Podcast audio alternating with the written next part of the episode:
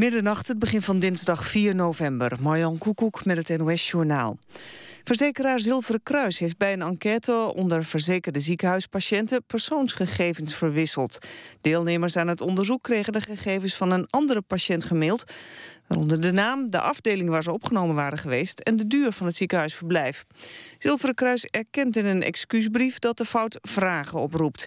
Een speciaal telefoonnummer is geopend voor vragen over de gang van zaken. Het aantal asielzoekers in het Drentse dorpje Oranje wordt voorlopig bevroren. De gemeente Midden-Drenthe had eerder met het COA afgesproken... dat er 1400 asielzoekers zouden komen in een vakantiepark. Dat zijn tien keer zoveel mensen als in het hele dorp wonen. De bewoners vonden dat absurd en kwamen met een petitie. Er zijn nu bijna 500 vluchtelingen in Oranje... en voorlopig komen er geen nieuwe bij. Staatssecretaris Wiebes past een plan aan voor de fiscale bijtelling voor leaseauto's. Er komen vier tarieven en het plan wordt grotendeels betaald door het rijden in zeer vervuilende auto's iets duurder te maken. Wiebes zei vanmorgen al dat hij een belangrijk deel van het alternatieve plan van de autobranche en milieuorganisaties wilde overnemen.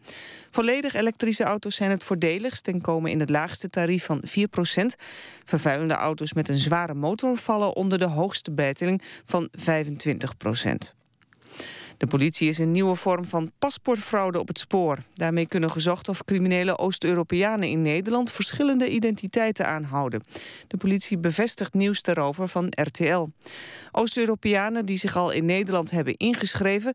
kunnen in eigen land hun naam goedkoop wijzigen... en zich in Nederland vervolgens voor een tweede keer inschrijven... met een nieuw paspoort en de bijbehorende nieuwe naam.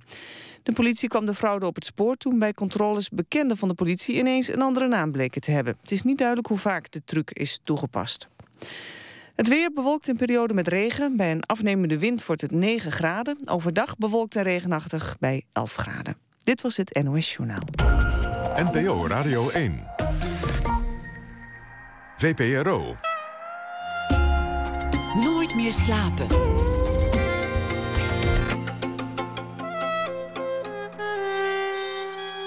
Met Pieter van der Wielen. Goedenacht, welkom bij Nooit meer slapen. Een personage worden in een roman, tegen betaling dan wel. En niet van de minste schrijvers, Pat Barker, Ian McEwan. Het kan allemaal voor het goede doel. Een veiling met uh, dat als uh, inzet vindt plaats in Engeland. Na één uur de vraag of je dat wel moet willen. Personages zijn in Andermans roman.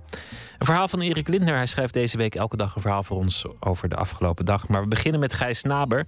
Aanbonder Fokker is de titel van de film die vanaf deze week te zien zal zijn in alle bioscopen in het land. Op het filmfestival in Utrecht was de film al goed voor drie gouden kalveren. En Naber kreeg zelf het kalf voor beste acteur. Gefeliciteerd. Dankjewel. Geboren in 1980 in Vinkenveen, ging naar de toneelschool. Uh, speelt vast bij het Ro Theater in Rotterdam. Speelde in vele films op televisie en in de bioscoop. Loft, Penosa, 0605, geregisseerd door Theo van Gogh.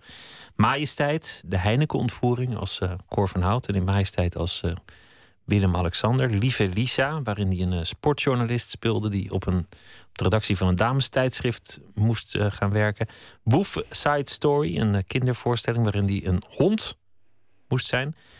Ja, en of er nou één lijn in al die rollen te ontdekken is, dat uh, die vraag, ik denk het niet, hè? Eigenlijk. Nee, nee, ik denk het niet. Ik denk het niet. Elke keer, elke keer iets anders. Elke keer weer een nieuw avontuur induiken, eigenlijk. Ja. Nee, ik vind het heel erg leuk om echt allerlei verschillende rollen te kunnen spelen. En uh, ja, dat is het leuke ook van het Roodtheater, dat ik, uh, waar ik bijvoorbeeld Woofside Story doe.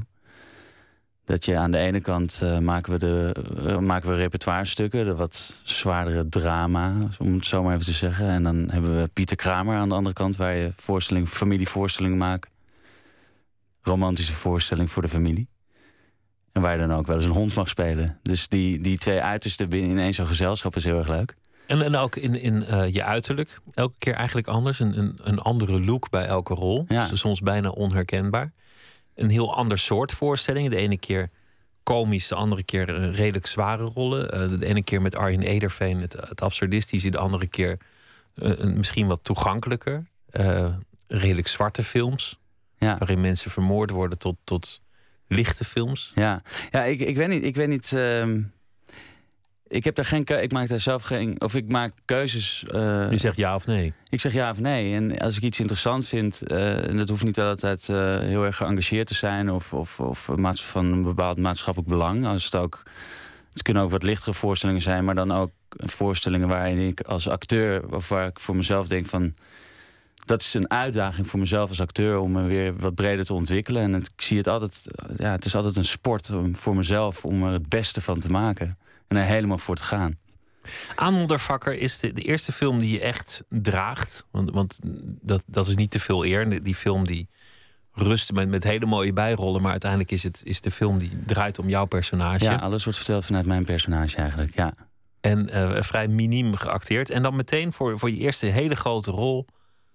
een gouden kalf voor beste acteur. Dat, dat is de hoogste eer in Nederland haalbaar voor een acteur. Ja, ja. Ja, ja ik, ik weet niet. Uh, ik, uh, ik, ben, ik, ben, ik ben aan de slag gegaan samen met Michiel ten Hoorn, de regisseur. Die had van tevoren al wel ergens een oogje op mij laten vallen. Uh, hij had al wel in gedachten dat ik die rol misschien zou kunnen gaan spelen. Um, maar ik heb hem uiteindelijk toch. Ik heb gewoon audities moeten doen. En, en, en, en, en ik heb dat samen wel met hem moeten onderzoeken. Ja, je gaat het gewoon aan. Ik weet niet. Um, ik ben natuurlijk niet van tevoren bezig met het winnen van een gouden kalf. Zeker. Nee, je, wil, gewoon die, die rol goed neerzetten. Ja, ik wil die rol goed neerzetten. Dus je gaat dan samen op zoek naar, naar wat is de psychologie van die jongen? Waarom gedraagt hij zich zo? En het is in eerste instantie denk je, ja, het is echt een heel egocentrische, luie klootzak eigenlijk. Als je dat in eerste instantie zo leest. Maar ik kon me niet voorstellen dat het enige was. Je gaat natuurlijk op zoek naar een bepaalde psychologie of een reden waarom hij zich zo gedraagt. Ja, en aan, je dan in. Ja, ja. aanmoddervakker. Het is, het is een, een, logische woordspeling tussen het aanmodderen en uh, de moddervakker. Ja. Wat een, een en de de type, typografisch ook wel mooi. Uh, het, ziet, het ziet er heel grafisch het ziet er, mooi uit. Ja, de woorden zo aan elkaar. Aan moddervakker, ja. dat staat gewoon mooi op een, op een ding. Ja. Um, een, een, mooie ingang uh, voor de mensen, want, want haast niemand heeft film nog gezien. Een nee. mooie ingang om het te begrijpen is voor iedereen die wel eens bij een mediamarkt of een andere technologiewinkel is geweest zo'n jongen die daar tegen een rek aan staat en er niet echt op zit te wachten om jou te helpen. Ja. Die naar de klok kijkt en denkt: is er alweer rookpauze? Ja. En dan nog vier rookpauzes en dan mag ik weer naar huis. Ja. En daar heb ik heel veel zin in om naar huis te gaan. Ja. En dan moet ik morgen weer beginnen en daar heb ik heel weinig zin in, maar ik ga het toch doen. Ja. En misschien wel tien jaar lang. Ja, ik denk dat hij ergens nog wel het idee heeft dat hij uiteindelijk nog wel een keuze zou gaan maken om het anders te gaan doen. Maar voorlopig uh, zat dat er nog niet in. Hij werkt bij de Mediamarkt. Hij, hij werkt bij de Mediamarkt, inderdaad.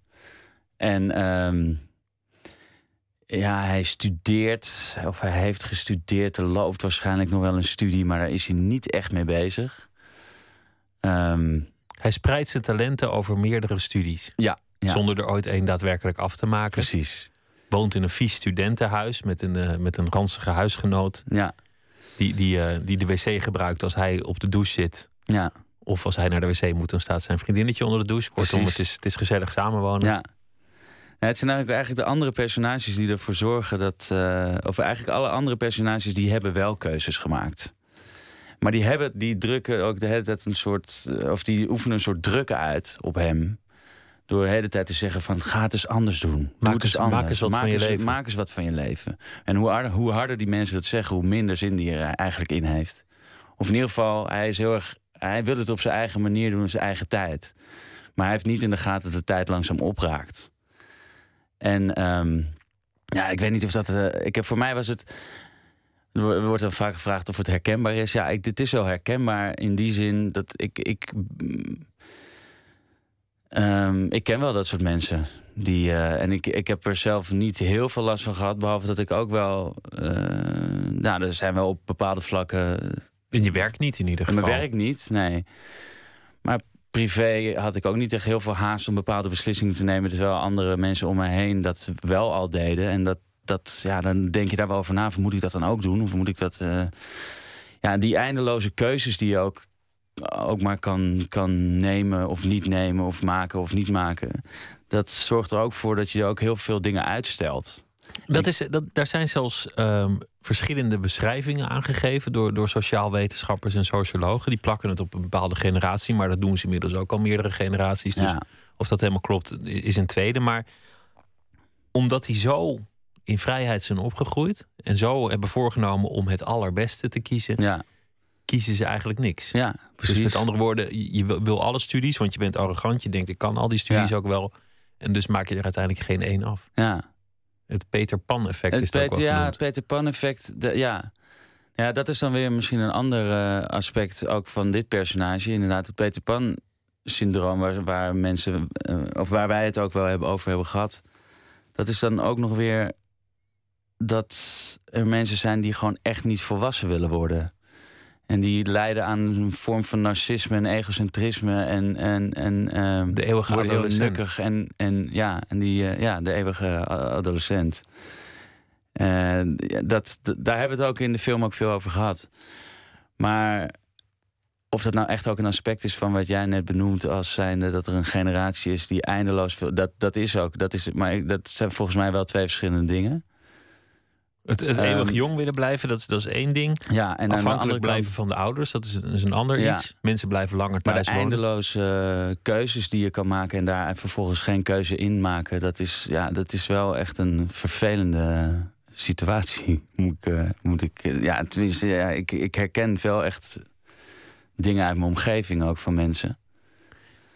Nou is een beetje luiig eigenlijk. ja, ja. Ook, ook een beetje lui, maar ook een beetje verwend. Ja, verwend, zeker. Want ze kennen, ze kennen van huis uit niet de gevaren van het eh, aanmodderfokkeren. Dus Nee, ik heb er wel een keer een, eh, met, een, met een, een, theatergroepje die we hadden geformeerd, of een soort eh, een gelegenheidsgroep die we vormden, de achterbankgeneratie. We heten de achterbankgeneratie, maar het stuk ging ook over de achterbankgeneratie. En daar ging het ook heel erg over een generatie waar ik dan ook uit voortkom. Of waar ik in zit. Eh, de generatie die zich overal naartoe heeft kunnen laten brengen. Toen ze klein de op de ouders. achterbank door de ouders naar voetbal. Of wil je voetbal, dan ga je voetbal. Wil je dat, en alles werd maar aangeboden en kon allemaal maar. Ja, Maar in, in die voorstelling, de, de achterbankgeneratie, was het eigenlijk ook nog voor een heel groot deel ehm, nou ja, het uitventen van, van het succes. Ik geloof, ik geloof dat jij ergens Don't Stop Me Now zong Ja, in, die, eh, in die voorstelling. Ja. En heel erg het laten zien van kijk eens hoe goed ik het heb. Ik Ja. heb alles voor elkaar. En langzaamaan kreeg je dan te zien dat dat allemaal wel tegenviel. ja, We gaan luisteren naar een fragment uit de film waaruit blijkt eh, dat de hoofdpersoon Thijs eh, eeuwig afhankelijk is van eh, financiële injecties van zijn moeder. Hé, je oude moedertje mag het jaarlijkse kerkoptreden organiseren. Wist je dat al?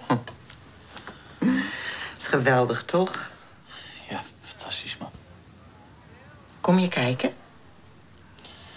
Ik weet niet, ik ben heel erg druk. Ja, tuurlijk, lieverd. Hm? Kijk eens. Een extraatje. Kom je zo wel weer naar beneden? Ja. Mooi. Ik heb alvast eh, lekker wat restjes voor je ingepakt. Breng je de bakjes wel weer mee terug? Ja. Ha. Ja, je hoort het. Het is niet strikt een aardige jongen die je speelt. Nee. Nee, dat is waar. Aan de oppervlakte is hij totaal niet aardig. Maar we hebben er wel alles aan gedaan om hem ook sympathiek te maken. Dat was wel eh, een doelstelling. Dat het niet alleen maar. Want het zou heel vervelend zijn als je alleen maar zit te kijken naar een onaardig iemand die verder geen ontwikkeling doormaakt. Dus er zitten wel momenten in de film dat we ook echt bezig zijn. Of, de, of waarin we willen laten zien dat hij ook echt ergens mee worstelt. Ehm, want dat is ook zo. Ik bedoel, hij reageert zo op zijn moeder. Maar je ziet tegelijkertijd ook dat hij zich er heel hard voor schaamt. Maar hij zit gewoon gevangen in, in iets, in, in, in, in een, ja, in een, Lethargie. ja, waar hij eigenlijk dolgraag uit wil. Maar wat, is, wat hem heel veel moeite kost. Maar dat is moeilijk acteren, want het, het is moeilijk, lijkt mij, om iemand te spelen die eigenlijk niet echt iets wil. Die niet een uitbundig persoon is, die niet een vurig verlangen heeft, die, die een beetje cool is. Soms wat secundair misschien.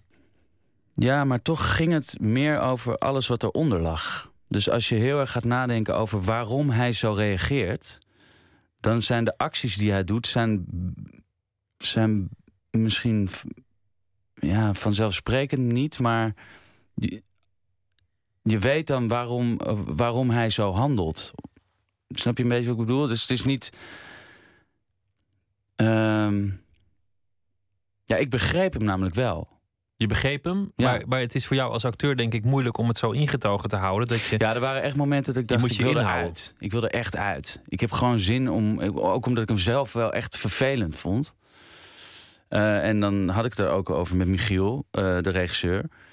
Michiel ten Hoorn. En die, ehm, en, maar die zei ik, nee, hou het gewoon, hou het erbij. Hou het gewoon klein. En terwijl iedereen echt- om hem heen vrij groot acteert en vrij eh, echt, Ja. echt comedy maakt. Ja. En iedereen daaromheen is vrij overtuigd van zichzelf en van hun, van, van hun eigen gelijk. Terwijl ook die, het gaat, daardoor vind ik het ook wel breder dan alleen maar één bepaalde generatie. Want eigenlijk zie je elk personage eromheen, hoe die reageert, hoe elk personage reageert op hem. En eh, een soort zelfreflectie krijgt over hoe, ze zich, hoe, hoe hun eigen leven is en welke keuzes zij hebben gemaakt en hoe ze daarin staan. Mijn vader in de film, de vader van Thijs, eh, de, de rol die ik speel, die, die eh, worstelt ook met een soort probleem. Eigenlijk ook een soort midlife crisis wat aan bod komt. Eigenlijk worstelt iedereen, in de Iedereen film worst, ja. met dezelfde vraag: hoe maak ik iets van dit leven? Wat doe ik Ja, eigenlijk en met dit wanneer leven? heb ik eh, welke keuzes gemaakt en was het ook de juiste? Mijn zus, die, eh, die me heel erg hamert op. ik zeg het het mijn zus, maar dat is dus de zus van het personage. Van het personage, ja. Dus de zus van Thijs, die, ehm, die heeft bijvoorbeeld al heel vroeg eh, heel erg eh, gekozen voor een gezinsleven en dat alles op orde was. En die komt er uiteindelijk achter dat ze heel veel in haar sociale leven gemist heeft. Of dat er toch heel veel dingen zijn die ze nog niet ontdekt had. En die ze dan eigenlijk voor haar conventies niet meer kan doen. Dus die zit ook eigenlijk al in een crisis. Dus elk personage eromheen zit eigenlijk in een bepaalde crisis. Of het gaat over welke keuzes ze hebben gemaakt op welk moment in hun leven. Waardoor het ook opvalt dat hij geen enkele keuze maakt. Ja, absoluut. Ja. En intussen, want dat hoort ook, als die generatie al bestaat, je moet altijd oppassen met iedereen maar over één kam scheren. Maar Ja. laten we ervan uitgaan dat er een achterbankgeneratie is. Ja. Dan hoort er ook bij dat je intussen iedereen vertelt dat je het zo goed doet en dat, het, dat dit precies het leven is. Ja, dat om je altijd... jezelf ervan te overtuigen dat het klopt. Dat het, dat het klopt. Dat het, eh, ja. We hebben een fragment waarin hij hij eh, vertelt. Ze zitten in het café, dronken, op, Ja. op een dinsdag. En hij, hij zegt het dan ook van ja, dit is toch gewoon het leven. Dit is toch gewoon hoe je het hoort te leven. Ja, dat is mijn, mijn zwager die dat zegt. Maar hij bevestigt het. Ja. Dit is gewoon het echte leven, man. Gewoon op fucking dinsdagavond naar de kroeg. Ik vind dat serieus zo fucking vet in jou. Dat jij gewoon echt doet waar je zelf zin in hebt, weet je wel. Zonder je ene fuck aan te trekken van, van conventies en verwachtingen, weet je wel. Ja, man. Het leven is inderdaad fantastisch. Precies zoals ik me vroeger had voorgesteld. Ja. Het leven is fantastisch, precies als ik me vroeger had voorgesteld.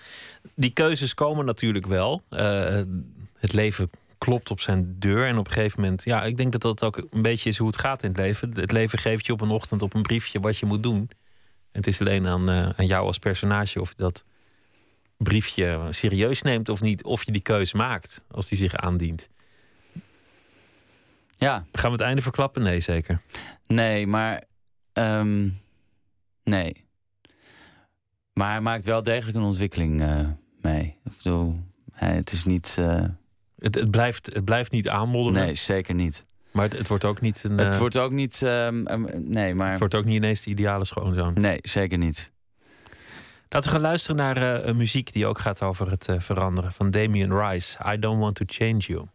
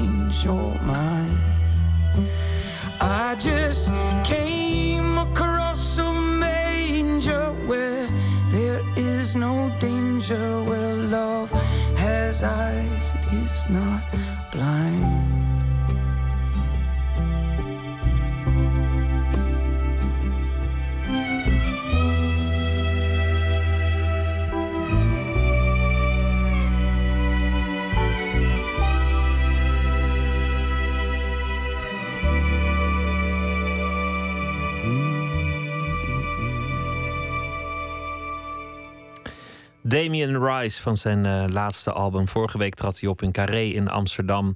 Dit nummer heette I Don't Wanna Change You. Nooit meer slapen in gesprek met acteur Gijs Naber. Naar aanleiding van de film Aanmoddervakker... die deze week eh, in première gaat in alle bioscopen van Nederland zo'n beetje. En waar eh, drie gouden kalven voor werden uitgereikt. Waaronder die voor beste acteur. over de Aanmoddervakker-generatie hadden we het. Ja. Dat, die tijd lijkt trouwens wel al een beetje voorbij. De, de allernieuwste jonkies die ik heb het idee dat de generatie die er nu aankomt, dat die veel daadkrachtiger en veel sneller al keuzes maken. En, dat is de generatie van de start-ups op je 21ste. Ja, en, eh, het is echt, als je ziet hoe succesvol jonge mensen al zijn... in dat vergelijking met de generatie waar ik daaruit voortkom. Nou ja, dat is ook een beetje de, de worsteling van, van de aanmaddervakker. Ja. Dat je ineens wel ziet dat, dat die jonge talentjes eraan komen... en het heel anders doet. En hij krijgt ook een, een affaire met een, 16-jarige... die niks liever wil dan studeren in Oxford. Ja ja dat, dat is eh, de, een meisje van 16. Dat, eh, eh, ja, twee jaar, of de, de helft jonger dan dat ik ben. Of dat ik het ben, Dan je personage een is. personage. Je hebt je goed vereenzelvigd. Ja, dat was wel de bedoeling, toch? Maar ehm, ja, heel gedreven pers- persoon, dat meisje. Heel erg duidelijk al de keuzes en, en heel erg nadenken over wat ze goed vindt in de wereld, wat ze slecht vindt in de wereld. En misschien soms wel een tikkeltje naïef. Maar ehm, eh, ook, ook zij zorgt ervoor dat, dat Thijs weer op een andere manier naar het leven gaat kijken. In ieder geval naar zijn eigen leven. Maar het goede van haar is dat zij ook hem ehm, benadert om degene, om datgene wat hij is, gewoon of gewoon als personage. Niet, hij, hij- zij oordeelt niet over zijn handelen, want ze kent zijn handelen niet. Een beetje, dat leert ze wel kennen, zijn maar, gebrek maar aan handelen. zijn gebrek aan handelen inderdaad. En zijn andere gebreken, daar wijst ze hem helemaal niet. Ze, ze kijkt echt naar hem als mens en vraagt ook eh, heel oprecht af: wat, wat, wilde die, wat wil je nou eigenlijk dan? Dat die vraag komt dan. eh, eh, ja, die, die komt wel een beetje binnen die relatie naar boven. En hij raakt daardoor gefascineerd door dat meisje. En dat, eh, ja, of dat nou liefde is of eh, een eh, vorm van, ja, of een soort profetische werking heeft het in ieder geval voor hem. Dat hij denkt van ja, ik moet toch iets met mijn leven gaan doen, maar er is dus wel eens een bepaalde aan- aantrekkingskracht in dat meisje, ja. Geen keuze. Zelf ben je geboren in eh, eh, 1980. Dus, dus de, dat is echt achterbankgeneratie in eh Vinkenveen. Maar jij, jij wist wel al heel jong, volgens mij, precies wat je, wat je wilde gaan doen. Of, of Nou, vergis dat, ik me daarin? Dat is niet helemaal waar. Nee, ik was eigenlijk. Ik wist eigenlijk heel lang niet wat ik wilde doen. Eh, tenminste, dat, dat ligt eraan eh, hoe snel je dat wel of niet moet weten. Maar ik was. ik was 16 of 17 toen pas echt dacht van nou, misschien moet ik gaan acteren. Misschien is dat het. Misschien is dat hetgene waar ik mijn energie in kwijt kan. En ehm, eh, ja, ik haalde niet erg hele hoge cijfers. Sterker nog, Geen, geen sterke leerling. totaal niet. Maar ik, ik, ik, ehm, ik denk dat ik pas heel laat eh, werd gewezen op een, op een talent of op een, op een eh, op, ja, op iets waarvan. of ik werd, ik werd pas laat gestimuleerd. Hoe, zeg je dat? Je voelde je pas laat uitgedaagd. Ja. Kijk, ik zat op een school, op, gewoon op een middelbare school, waar alles werd, eh, eh, wat, alles werd gerelateerd aan cijfers. Dus je cijfers moesten goed zijn en je moest ook gewoon al meteen weten welke richting je op, op ging. Maar ja, ik, ik, ik had gewoon een bepaalde concentratiestoornis, denk ik. Nou, denk ik, dat weet ik wel zeker. Eh, waardoor ik me gewoon niet kon concentreren op, op, op, op de lesstof. Maar dat, ik werd ook niet beoordeeld om, om wie ik was, maar meer om ja, wat, wat, de theoret, wat mijn theoretische kennis van dat, dat moment was. En er werd pas later eh, kreeg ik eh, een soort bevestiging, iets waar ik wel goed in was. En dat was dan toneelspelen. Bij toeval eigenlijk. Nou ja, want ik ging naar. Ik ging, ehm, eh, ik ging naar de eh, schooltoneel. Ik dacht, ja, laat, laat, laat ik maar eens gewoon toneel gaan spelen. En eh, daar kreeg ik gewoon een bepaalde bevestiging van dat ik iets goed kon. En dat duurde heel lang voordat ik eindelijk ook eh, een soort bevestiging kreeg in iets. Eh, dus ik dacht, nou, misschien is dit het dan. Dus toen ben ik daarvoor gegaan eigenlijk. Of in ieder geval, toen dacht ik, dan kan ik daar misschien mijn energie in kwijt. Wat voor omgeving was dat Vinkenveen eigenlijk? Ik bedoel, ik, ik weet dat er water is. Ik weet dat er penozen wonen. Ja. en, en ook heel veel gewone aardige mensen natuurlijk. En, en dat er vrijstaande huizen staan, bij voorkeur in het wit. Ja, maar ook heel veel rijtjeshuizen. En ook heel veel rijtjes. Ja, ja, en, ja, je kunt er, maar als je, als je je eigen omgeving waarin je opgroeide. Nou, ik, ik, was, ik was heel veel buiten. Ik speelde veel met, uh, met vriendjes buiten. Kattenkwaad uithalen, uh, voetballen, kaarten. Ik was altijd bezig met, eh, meer bezig op sociaal vlak. Met heel veel mensen omgaan. En, en, eh, ja. Niet, niet iemand om in de boeken te zitten, maar nee, iemand totaal om... niet. Met, totaal niet. Altijd met mensen bezig. Altijd met mensen. Altijd met mensen. Nooit alleen. En je, je ouders, want wa- wat waren dat voor mensen? Ehm, Zijn dat nou, voor zijn mensen? nog steeds. Ze leven gelukkig allebei nog. Ze wonen ook nog bij elkaar. In Doorn. Eh, heel fijn. Dus dat is heel. eh, Nee, ik heb eigenlijk een vrij zorgeloze jeugd gehad, toch wel. Eh, ik had weinig. eh, Maar was het een milieu waar je kon thuiskomen en Ja, zeggen... nee, paps, maar- mams, ik ga acteren? Ja, ja, ja, ja. ja ik, ehm, nou ja, toen ik uiteindelijk dus toch eh, een keuze had gemaakt. En ik toch iets had gevonden waar ik dan blij mee was. Ik, ik, weet, ik weet dat ik thuis kwam en dat ik zei van... Ik, mam, volgens mij weet ik nu wat ik wil worden. Ik wil acteur worden. Ik wil toneelspeler worden. En dat vond mijn moeder te gek. Want Meteen, je hoeft niet het eerste glaasje water in te schenken. En, nee, nee, nee, nee, Nee. zeker niet. Nee, want we, we, werden, we werden wel vrijgelaten in. in eh, ja, er was geen enkele verwachting eh, van dat je een bepaalde richting op moest. Of, eh, nee, we werden wel vrijgelaten in onze keuzes. Wat tegelijkertijd ook een probleem was. Maar nee, maar ja. op het moment dat ik zei dat ik toneelspeler wilde worden, vonden ze dat meteen goed. Ja, als dat is iets is wat je, wat je, wat je goed kan, dan, eh, of wat je graag wil uitzoeken, dan moet je dat doen. Dat is ook typerend voor die generatie. hè? Weinig strijd met de ouders. De ouders wilden vooral trots ja. zijn. Ja, nou ja, eh, mijn ouders in ieder geval, eh, ja, daar hoefde ik geen strijd mee te leveren, nee. Er was bent, natuurlijk wel, de- de- wel dat, dat, dat, ja, dat, is, ja, dat zijn zoveel mensen die acteur willen worden. En je moet het ook nog maar zien dat het lukt. En, eh, Is natuurlijk ook zo. Ja, dat is ook zo. Maar ehm, eh, met gezonde twijfel lieten ze me wel gewoon naar de toneelschool gaan. En dat heb ik uiteindelijk dan toch.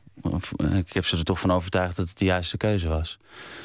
Maar ja, ik probeer nog een beetje zo. Wat, wat ik nou probeer uit te leggen over, over die. ehm, dat, ik ik vind, vond het gewoon heel erg moeilijk om beoordeeld te worden. Omdat ik de hele tijd. Ik kreeg de hele tijd onvoldoendes. En ik wist niet zo goed waar dat nou aan lag. Dat, dat, en dat maakte me ook. Op je, bent, je bent geen domme jongen. Nee, maar, maar ik, ik werd niet, er werd gewoon heel weinig beroep gedaan op een andere soort intelligentie. Misschien een soort sociale of emotionele intelligentie. Er werd gewoon meer getoetst naar ja, theoretische kennis. En, en dat is iets wat waar ik heel veel moeite mee had om, dat, ja, om, om een concentratie bij te houden. Dus ik vond het ook best wel lastig. Dat ik, ik heb zeven jaar over de HAVO gedaan. En ik heb ook geen diploma van de HAVO. En ja, daar ben ik niet trots op of zo. Maar het is meer. En, maar dat heeft er wel voor gezorgd dat ik het altijd best wel lastig vond om. om ik kreeg altijd wel een soort examenstress. Want dan dacht ik, oh shit, nee, ik kan het niet, ik ben te dom. Ik ben gewoon te dom. Ik ben niet intelligent genoeg. Want alle andere jongens en meisjes in mijn klas die halen allemaal cijfers en die, die kunnen zich. Hè, die, die, die, eh, die halen een examen en ik kan het niet. Dat En- is en dan- misschien dat is wel grappig dat je dit nu, nu aanhaalt. Want ehm, in die film, de grote stress van die jongen... en, en misschien ook wel de, de muur waar die tegenaan loopt... is het steeds opnieuw ontdekken of bang zijn te ontdekken... dat je helemaal geen bijzonder talent hebt. Ja. Ja. Ja. Dus dat kon je, dat kon je ook wel ergens in je geheugen vinden. Ja, ik denk het wel.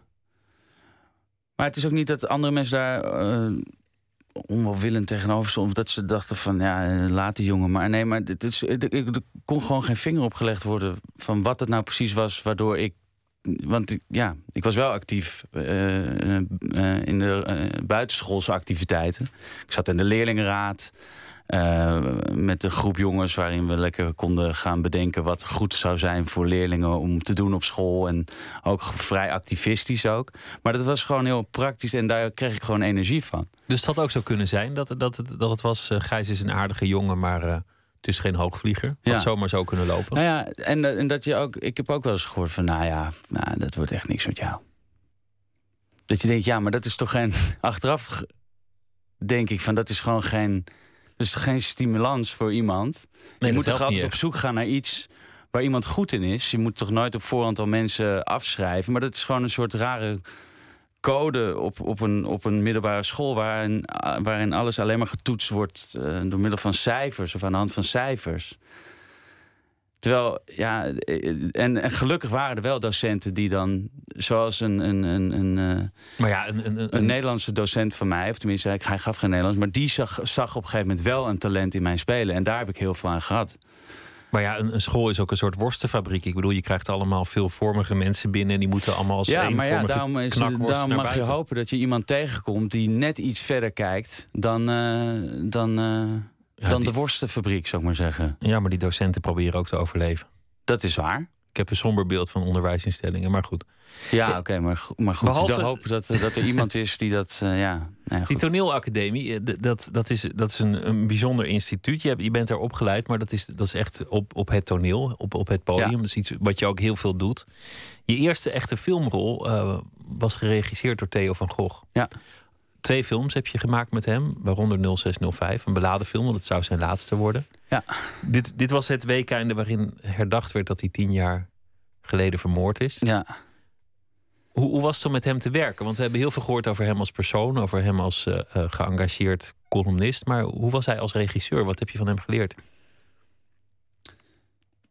Ehm, nou, hij was. Hij was, hij was ehm, het was vooral een regisseur die het belangrijk vond dat het verhaal wat hij eh, voor ogen had, dat dat verteld moest worden. En hij wilde ook iedereen. En hij gaf iedereen, elk, elke rol, hoe klein of hoe groot. Of, of het nou op de achtergrond was. Alles moest kloppen in, en, en in dienst staan van dat verhaal. Dus hij gaf heel veel aandacht ook aan de acteurs. Hij ging echt, ja, en hij stelde je ook, eh, hij zorgde er ook voor, tenminste zoals ik dat toen ervaren heb, dat hem, eh, hij, hij dwong je ook tot nadenken. Niet alles is gewoon maar. eh, eh, Niet zomaar wegspelen. zo- nee. Er zat, zat bij hem, en zeker die film, zat natuurlijk een hele maatschappelijk. eh, het was een heel groot maatschappelijk, van heel groot maatschappelijk belang. Dat, er zat gewoon een noodzaak achter dat dat verteld moest worden voor, voor, voor hem. En, en dat maakte hij ook vaak duidelijk. Maar dat, dat, eh, eh, ja, dus daarom was het fijn dat. Heb je hem leren kennen als een, als een zacht mens? Want, want Ja, ik heb hem leren kennen als zachtmens. Ja. terwijl het ook best wel een lul was. Ja, maar ja, goed, op die manier had ik niet, eh, had ik niet met hem te maken. Ik bedoel, ik, ik wist natuurlijk wel wie het was. En ik wist ook hoe, hij, hoe hij kon zijn naar mensen toe. Maar ja, ik, had, ik heb helemaal niet op die manier met hem te maken gehad. Ik heb met hem te maken gehad als regisseur. En ik, en ik vond het een interessant eh, scenario wat, eh, wat hij schetste. Die, die, de hele... de- de, de, dus het soort complottheorie wat hij heeft geschetst eh, met, met die film. Waarvan je, of, ja, dat, wat ook gewoon vragen oproept die interessant zijn. Dus op die manier ben ik ook met die film bezig geweest. Maar ik heb hem ja, echt gekend als, eh, als een heel aardig, eh, zacht persoon. Ja. Een heel, dat- heel empathisch iemand die, die echt. En die, die heel veel vertrouwen ook geeft. En ook het idee geeft dat je erbij hoort. Dat je niet zomaar eventjes een rolletje bent wat langskomt. Maar echt gewoon, ja, nou, wat ik net al zei. Iedereen de, de juiste aandacht en genoeg aandacht gaf om ervoor te zorgen dat je het gevoel hebt dat je erbij hoort. In Want hij had een, een absurd sociaal talent. Dat maakte hem een, een hele goede interviewer, Ja. was hij.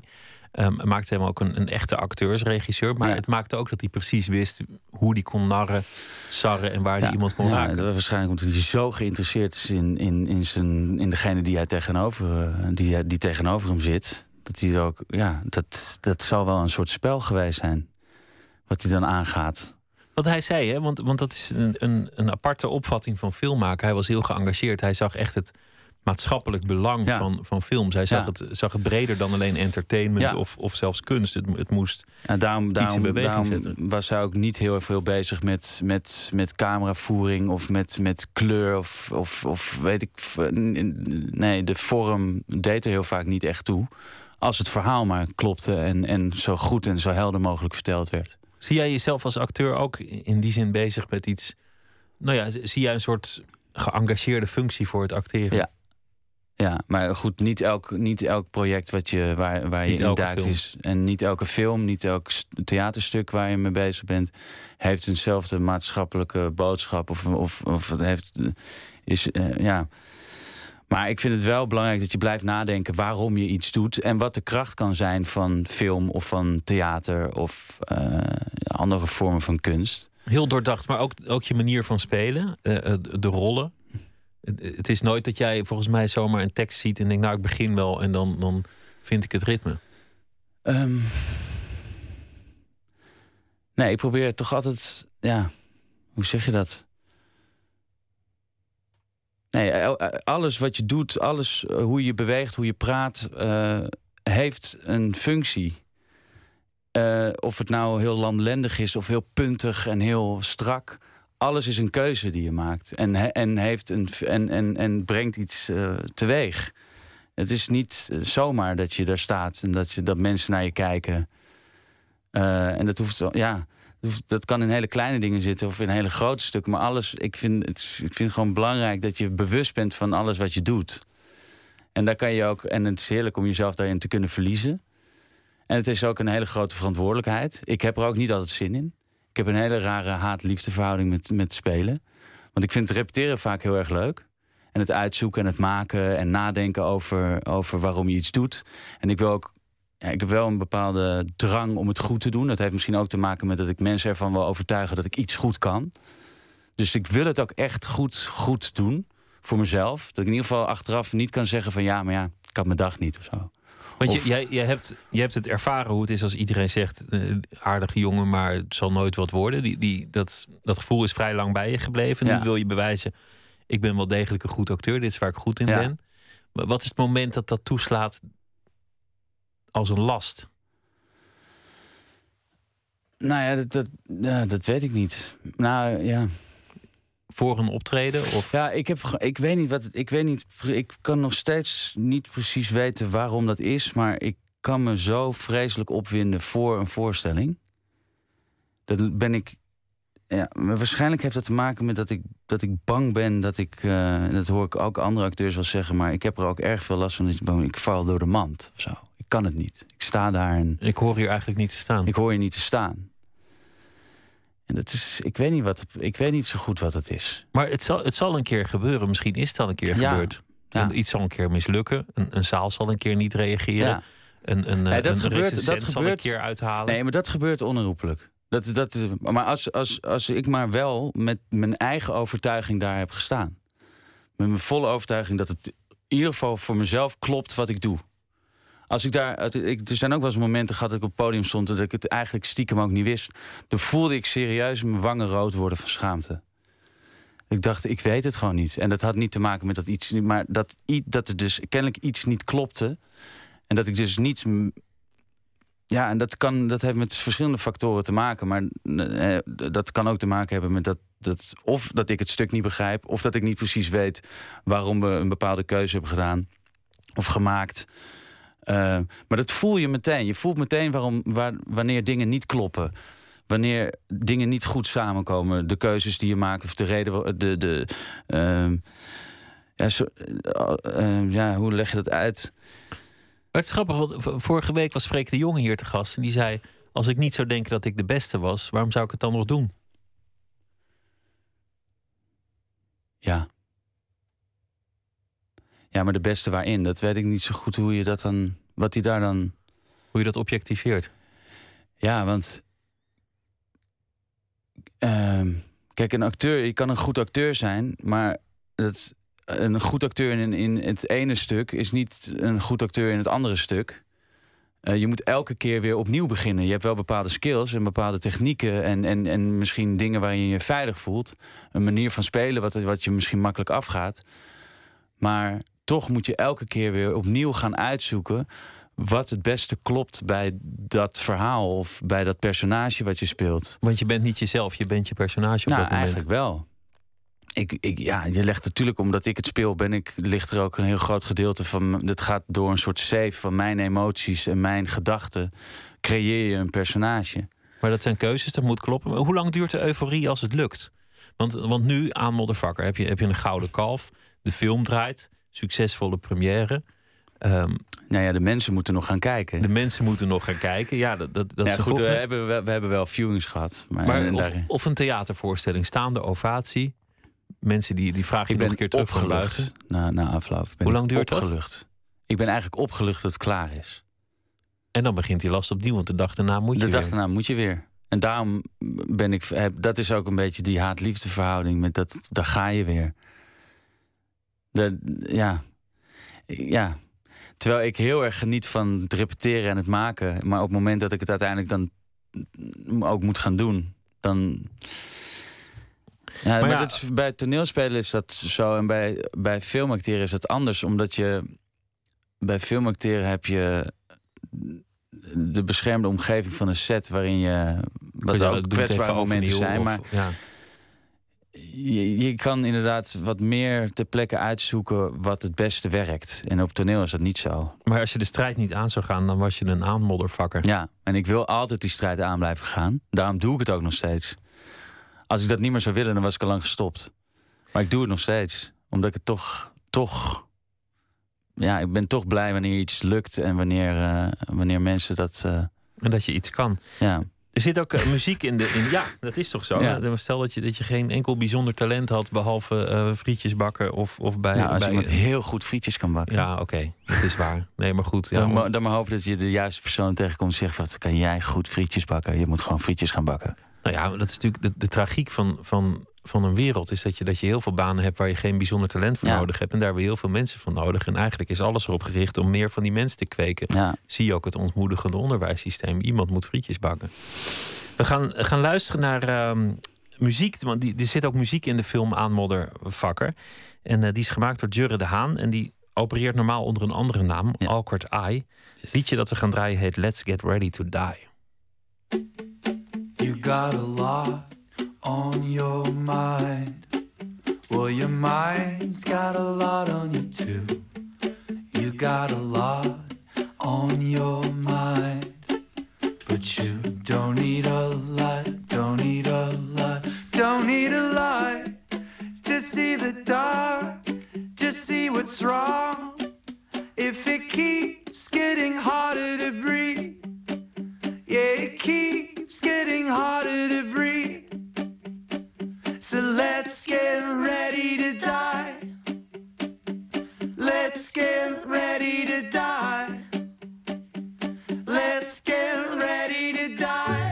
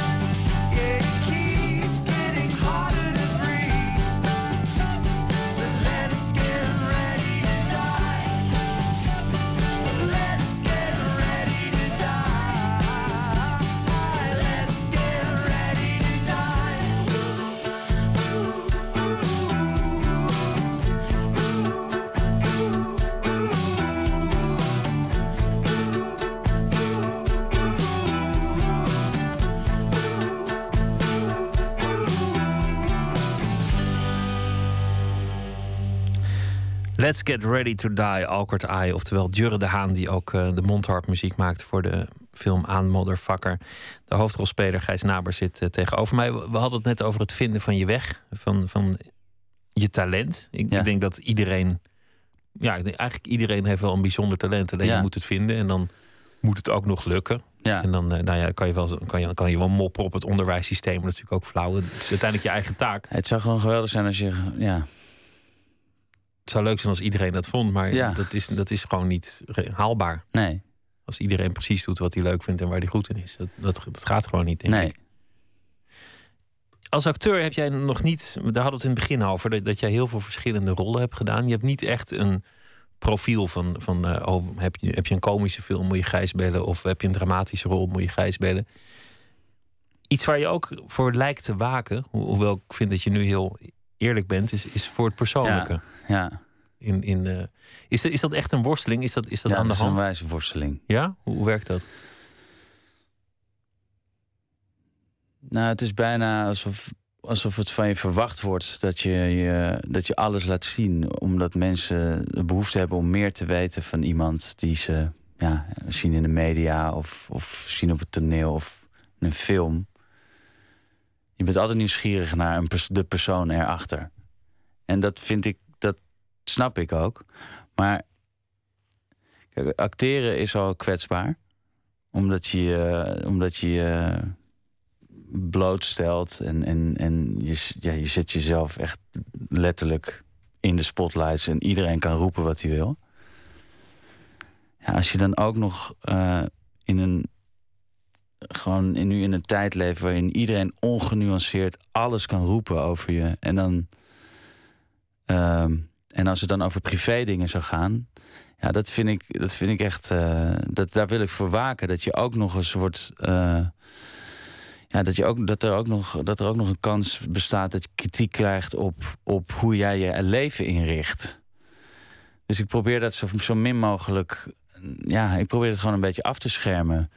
Maar de, ook bij uitspraken die ik dan bijvoorbeeld doe in, in, in, eh, in een interview. En dan wordt dan door bepaalde sites of zo wordt er dan een bepaalde passage uitgelicht. En dat wordt dan als kop. En, dan, en als je dan wel eens ziet wat dan de reacties zijn van mensen, zo ongenuanceerd. Maar tegelijkertijd hebben ze dan niet in de gaten dat het ook kwetsend kan zijn. Dat heeft toch altijd een weerslag op iemand. En ik, ja, ik denk dat ik gewoon niet daar niet een. Ik ben daar niet de persoon voor. Ik, ik trek me dat gewoon heel erg aan. En misschien zijn er mensen die er wel goed tegen kunnen. Maar, maar ik heb ook collega's die. Ik denk dat dat er weinig zijn hoor. Die, die Ja. er uiteindelijk toch tegen kunnen. Maar Ja, het is zo heftig hoe mensen kunnen reageren en ongenuanceerd kunnen zijn op Twitter of op, op, op, eh, op weet ik veel wat, allerlei uitlatingen die, ze, die, die de eter in worden, worden gesmeten. Ja, ik vind dat, ik vind dat gewoon heftig. En dat, kijk, ik kies ervoor om, om, om stuk of eh, om, om toneel te spelen en ik kies ervoor om in films te acteren en daar mag iedereen kritiek op hebben. En, en, en mag ook iedereen mag kritiek hebben op, op de manier waarop ik speel of, of iets wel of niet is gelukt. Maar dat, daar heb ik voor gekozen. Maar niet, geen, niet, ik wil niet dat mensen gaan, gaan iets gaan zeggen over ja, eh, wie ik als persoon ben. Eh, of, of met wie ik omga. Of, ja, dat gaat niemand wat aan. nee, Ja, nou, is het, nou, nou, jouw vriendin is een, is een actrice. Dat, dat, heeft, eh, ja, dat is dan. dat is op tv geweest, Ja. want, want, want, want jullie kusten. Nou, is, is er eigenlijk iets geks aan de hand met, met, met de, de, de roddelrubrieken en de roddelbladen? Omdat dat er altijd een morele component in zit. ja. Zij gebruiken andermans leven als een canvas om hun eigen bekrompenheid op te projecteren. Ja, dat, ik dat vind is het eigenlijk waar het over gaat. Het is niet, het is niet eh, gewoon sec melden wie het met wie doet, maar, maar ook wat je daarvan moet vinden. Nee, het is absoluut. Wij, ik weet nog precies het moment waarop de foto is genomen, die in de privé opeens eh, terecht is gekomen. Terwijl we op voorhand al wisten wie het was. Maar ja, joh, eh, wij stonden gewoon te praten met, met mensen die daar waren. En er wordt gewoon een lens tussen gestoken en één foto afgedrukt. En dan wordt er maar iets bijgezet wat, ze, wat, wat, wat- ja, wat zij leuk vinden. Nou ja, dat is heel overzichtelijk, want ze hebben een wereldbeeld, namelijk huwelijk goed, kinderen goed, Ja. geen huwelijk niet goed. Ja, ik vind het echt het zo'n onzin.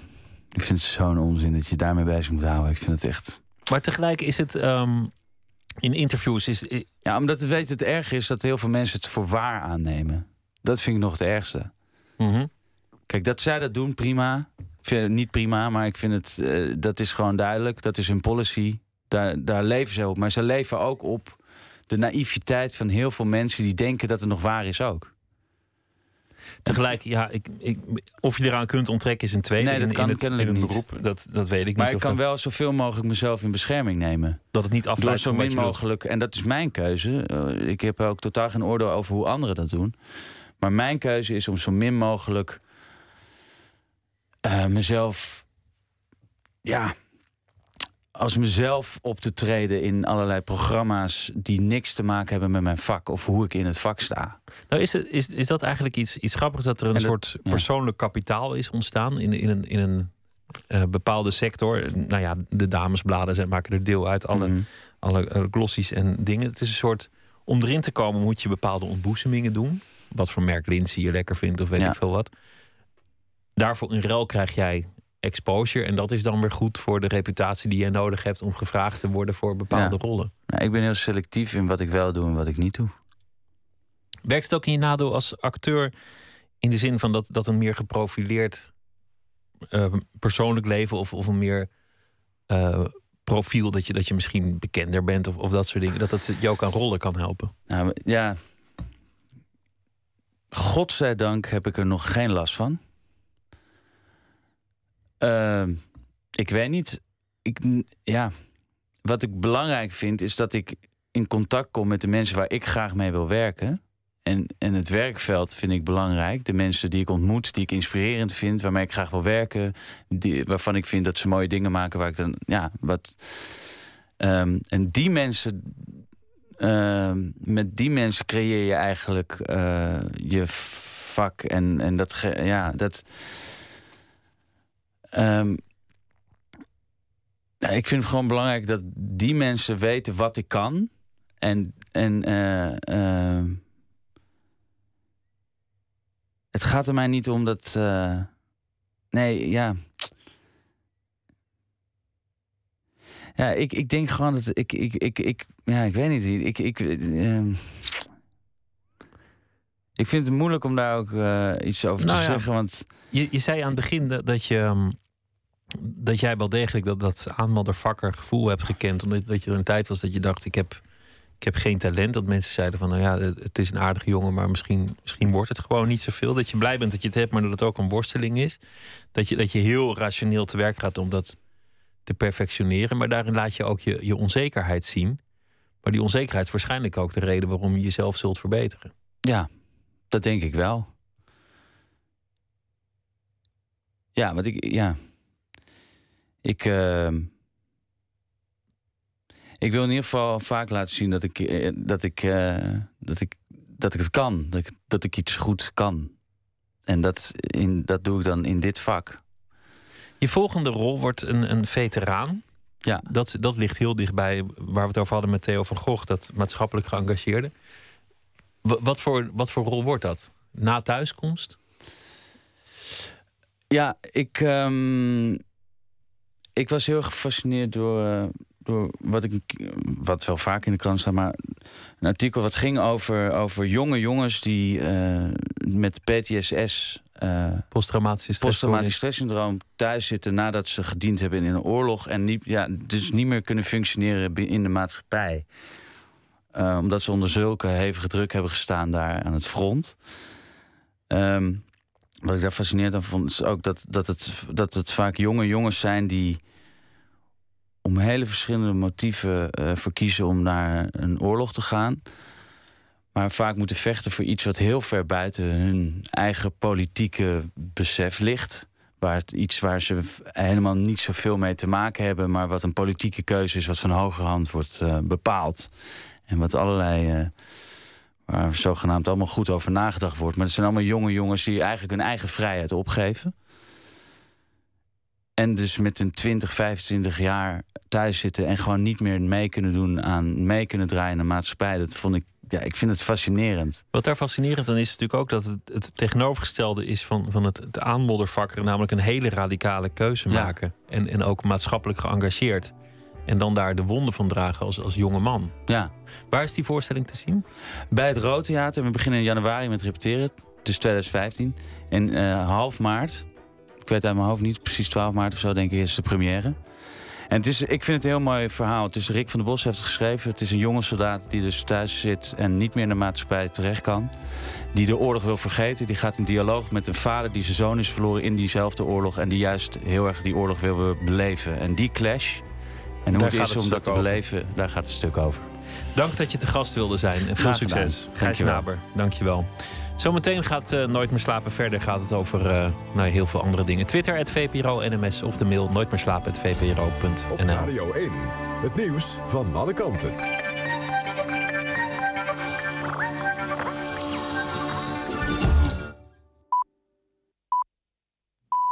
1 uur, Marjan Koekoek met het NOS-journaal.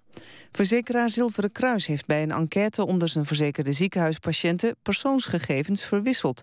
Deelnemers aan het onderzoek kregen de gegevens van een andere patiënt gemaild, waaronder de naam, de afdeling waar ze opgenomen waren geweest en de duur van het ziekenhuisverblijf. Zilveren Kruis erkent in een excuusbrief dat de fout vragen oproept en heeft een speciaal telefoonnummer geopend.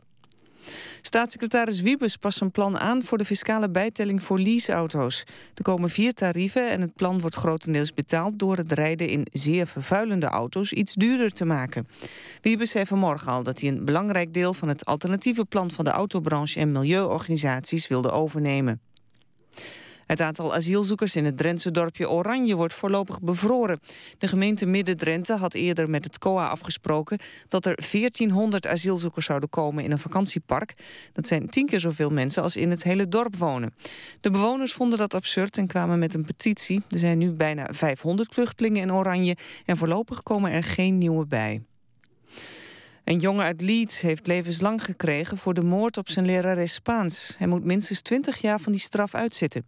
De toen 15-jarige jongen stak zijn lerares van 61 in de klas zeven keer in haar nek en rug met een keukenmes. Ze overleed later in het ziekenhuis. Tijdens de rechtszaak zei hij dat hij trots was op de moord. Volgens deskundigen heeft de jongen een aanpassingsstoornis met psychopathische neigingen. Schrijfster Mensje van Keulen krijgt de Constantijn Huygensprijs 2014 voor haar hele oeuvre van romans, verhalen en gedichten. Volgens de jury geeft Van Keulen in haar werk steeds blijk van buitengewoon technisch meesterschap. Aan de Constantijn Huygensprijs is een bedrag verbonden van 10.000 euro. Dan nog het weer, bewolkt in periode met regen. Bij een afnemende wind wordt het 9 graden vannacht. Overdag ook bewolkt en regenachtig bij 11 graden. Tot zover het NOS Journaal. Dan is er nog verkeersinformatie van de ANWB. Althans, er was verkeersinformatie, maar de files zijn opgelost. Goed nieuws, tot zover. NPO Radio 1. VPRO. Nooit meer slapen.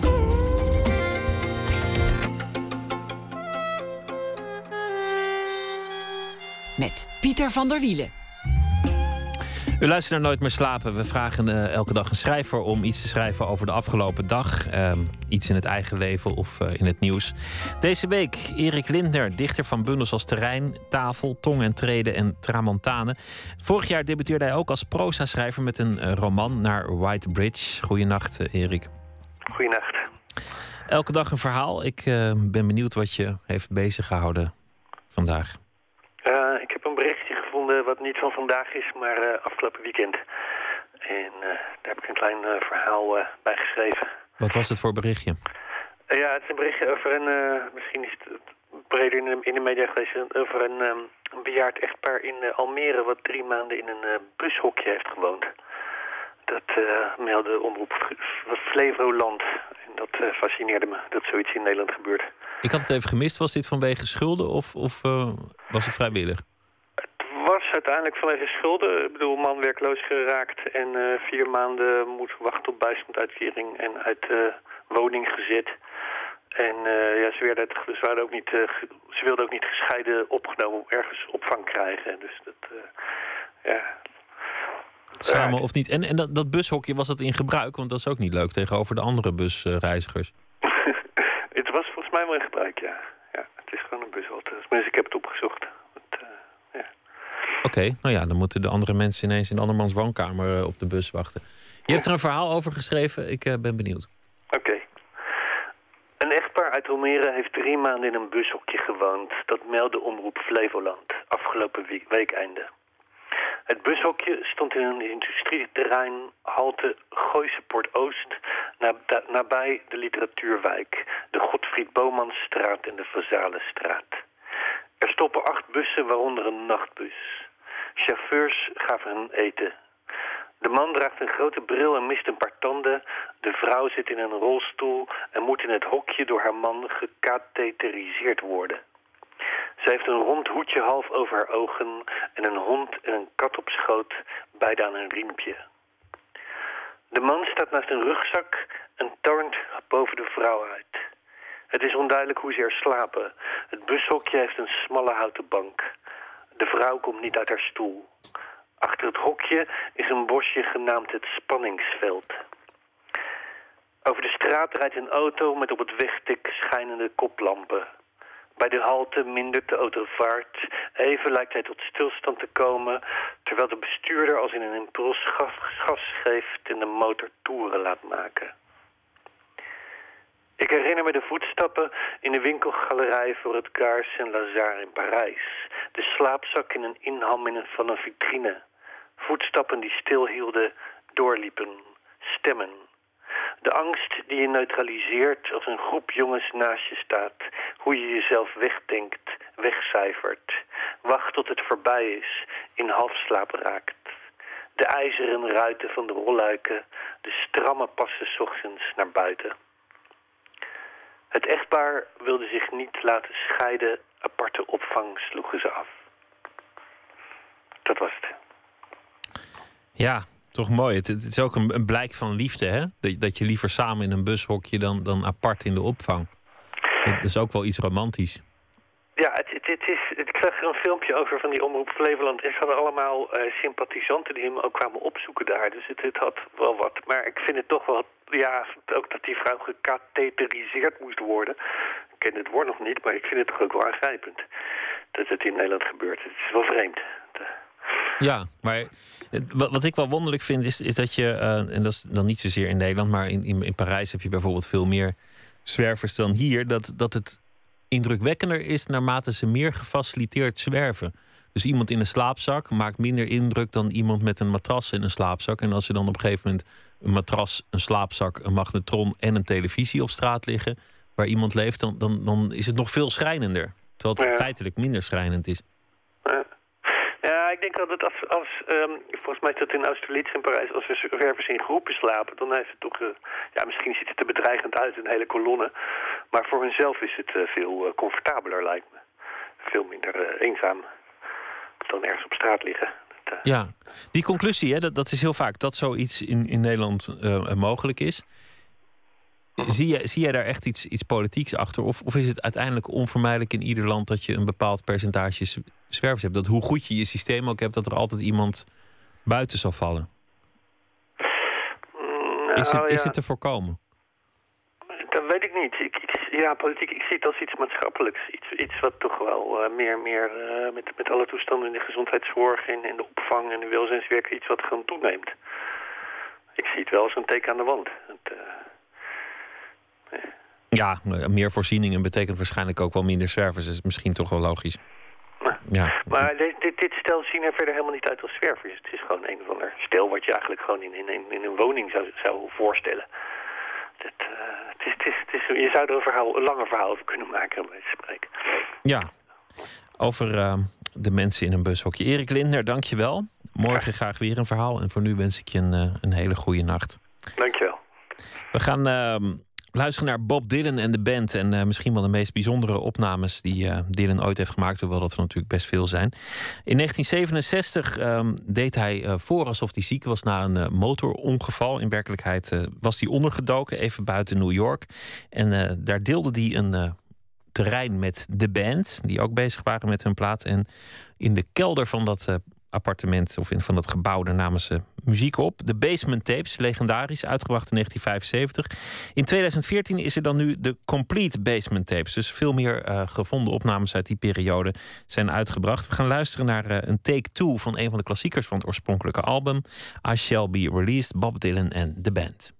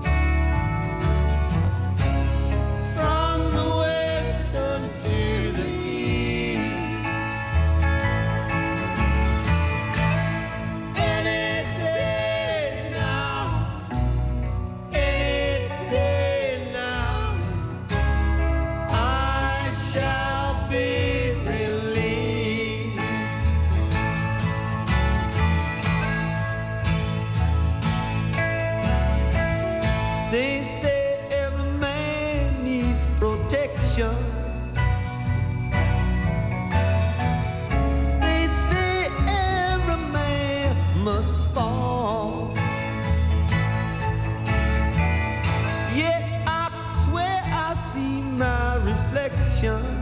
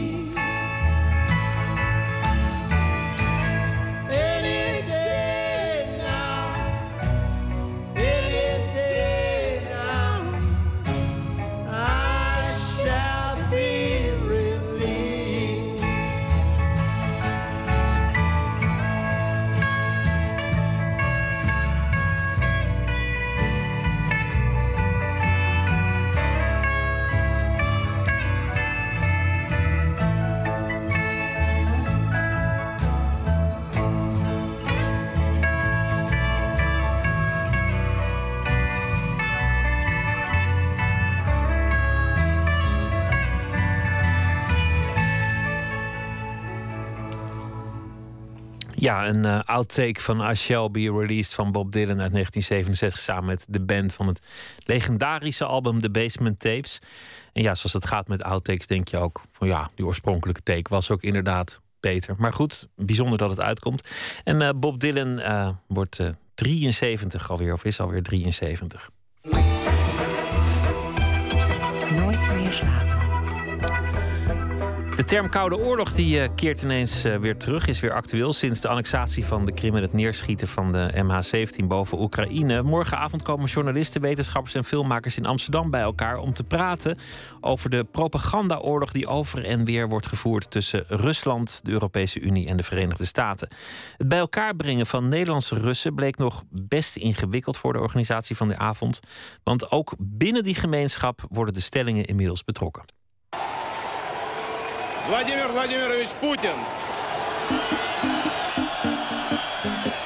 Het is wel zo dat eh, wij, wij, de Russen, eh, de laatste jaar echt eh, heel erg eh, verdeeld zijn. Niet alleen de Russen in Rusland, maar zelfs de Russen die hier wonen. Wij kunnen niet meer met elkaar omgaan. Als iemand zegt Krim is van ons, dan is het gewoon meteen afgelopen. Dan hoef je verder met iemand niet te praten. Dus heb jij ook vrienden verloren vanwege deze oorlog op de Krim? Ja, absoluut. Ik heb heel veel mensen zelf ontvriend. Documentairemaakster Masha Novikova kwam 26 jaar geleden naar Nederland. Ze maakte films over de Russische oppositie en filmde onder meer op het Maidanplein in Oekraïne toen daar de revolutie uitbrak. Ja, voor mij het was wel een signaal dat het eh, nu een beetje uit de hand loopt. Ja. Oksana Maximchuk is journalist, filmmaker en producent. Ze maakt vooral verhalen over gewone mensen en noemt zichzelf niet zo heel erg politiek. Toch herkent ze het beeld dat Novikova schetst wel, al heeft zij nog niemand ontvriend. Ik merk het wel dat eh, zit heel hoog. Ik denk heel veel emoties. eh, en die wel gekomen via nationaal trauma, vind ik. Dat zijn mensen zo snel beledigd en emotioneel. En dan kan niet normaal gesprek voeren. Maxim Tjoek maakte in 2012 een documentaire over haar leeftijdsgenoten. Vrouwen van 40 die 17, 18 waren toen de omwenteling van communisme naar kapitalisme plaatsvond. Ze benadrukte vele onverwerkte trauma's waar de hele Russische bevolking mee te maken heeft. Zoals bijvoorbeeld de kampen van Stalin, waar één op de drie Russische families mee in aanraking is geweest. Er wordt niet over gesproken. Zelfs haar generatie heeft daar nog last van. Het onverwerkte nationale trauma werkt volgens haar op vele vlakken door. Je- Russen le- eh, moeten leren naar elkaar te luisteren en normale debat en discussie en niet elkaar meteen te slaan. Ja, maar dat krijg je als je getraumatiseerd bent, weet je, van generatie naar generatie. Ik probeer niet over bepaalde onderwerpen met mijn ouders te praten. Ja, omdat zij zitten daar, die andere beelden en dat zijn natuurlijk brainwashed in sommige opzichten. Uh, ja, maar ik heb wel begrip voor.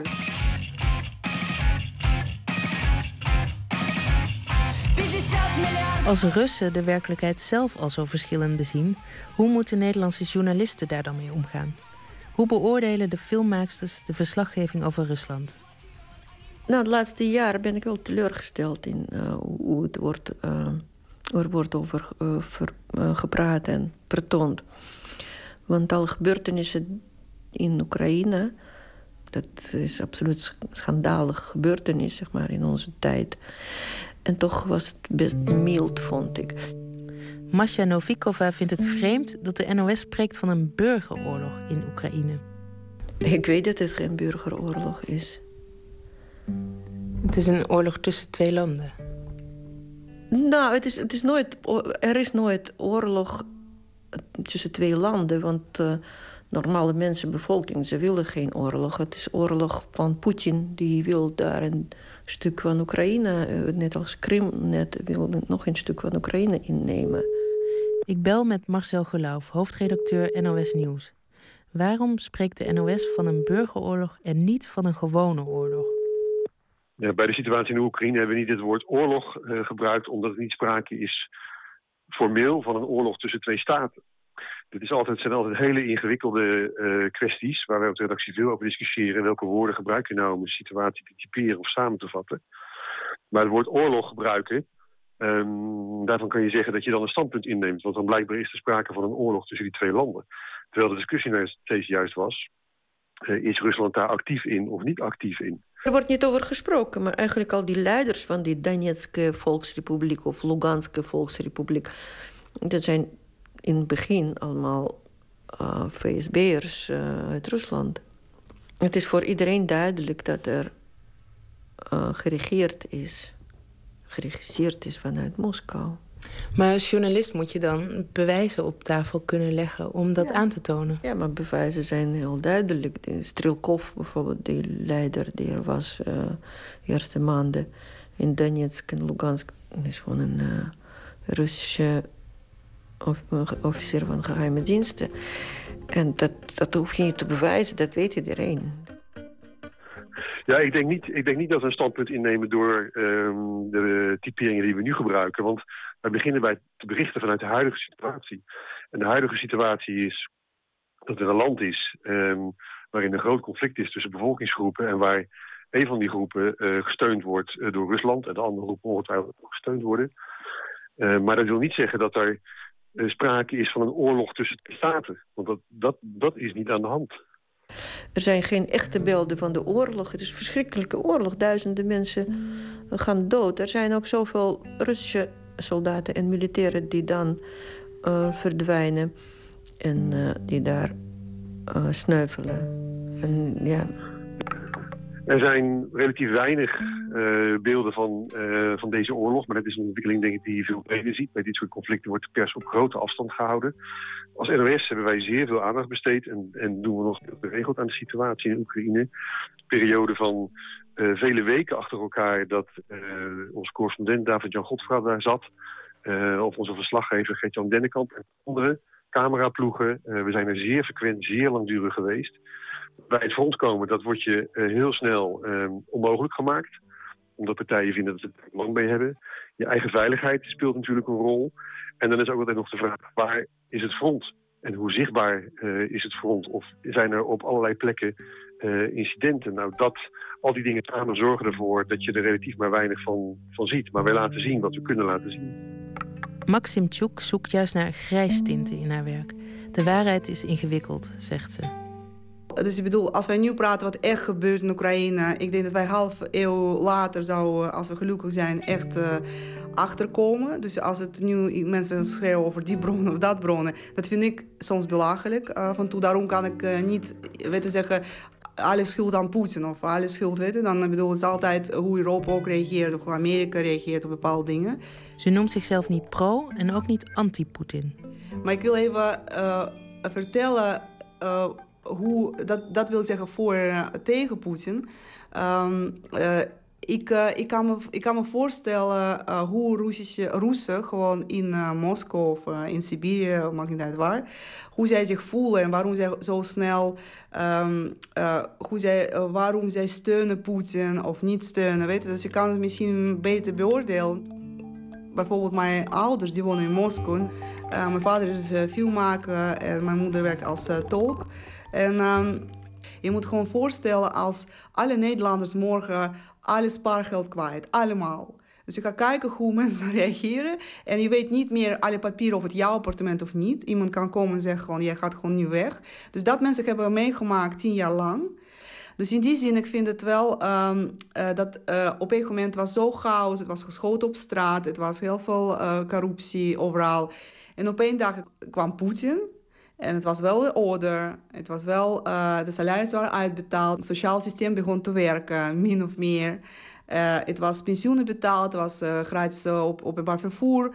Ja, dus zij zien hem als een, een, sterke man die eindelijk orde op zaken stelde en zorgde dat ze gewoon weer konden eten en geld ontvingen.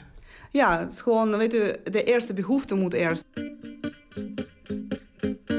Mensen die willen uh, leuke huis, twee kinderen, hè, gewoon uh, consumeren. Ja, dat is gewoon de situatie. En dat is zijn uh, kiezer, zeg maar. Het is toch wel gebeurd. Het is nu deel van Rusland geworden. En dat doen wij hier alsof het niet gebeurd is of zo.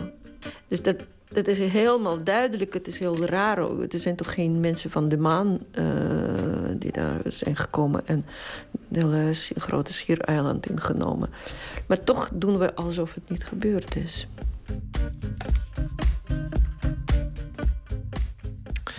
Een uh, bijdrage van Emmy Colau was dat. Morgenavond wordt er uh, gediscussieerd tijdens Cineblend in Pakhuis de Zwijger te Amsterdam. Bij de filmmakers uh, zullen daar aanwezig zijn over de nieuwe Koude Oorlog. Zometeen, uh, nou ja, daarnet draaiden we muziek van uh, de nieuw uitgebrachte basement tapes van uh, Bob Dylan en de band. Er is ook een, een groep die zich heeft vernoemd naar die uh, legendarische basement tapes. De New Basement Tapes noemen ze zich. Het is een bond gezelschap van grootheden uit de muziek. T-Bone Burnett, Jim James van My Morning Jacket en Elvis Costello zit er ook bij. We gaan luisteren naar een nummer, When I Get My Hands on You.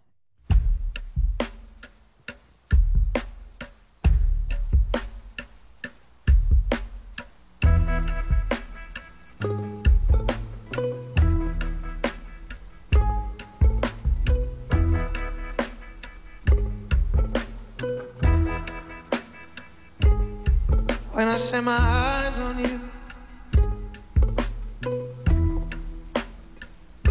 Gonna keep you out of town tonight.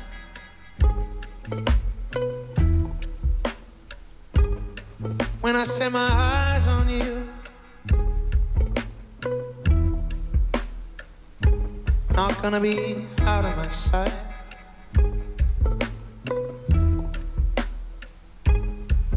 Now you know gonna have me as your man.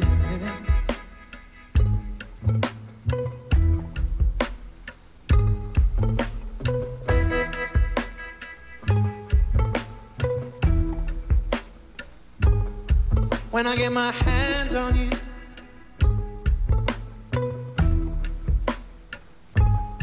Gonna make you carry me.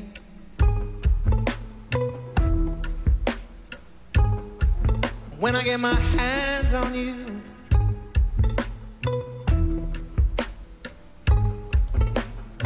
Gonna make you marry me.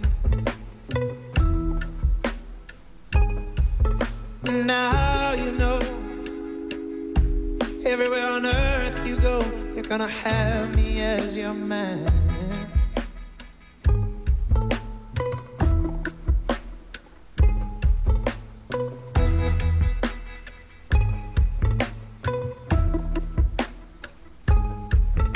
Come home to you,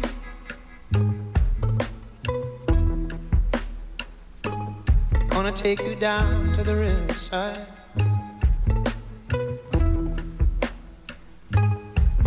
When I come home to you,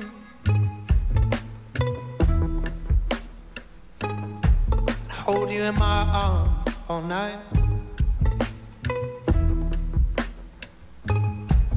Now everywhere on earth you go, you're gonna have me as your man.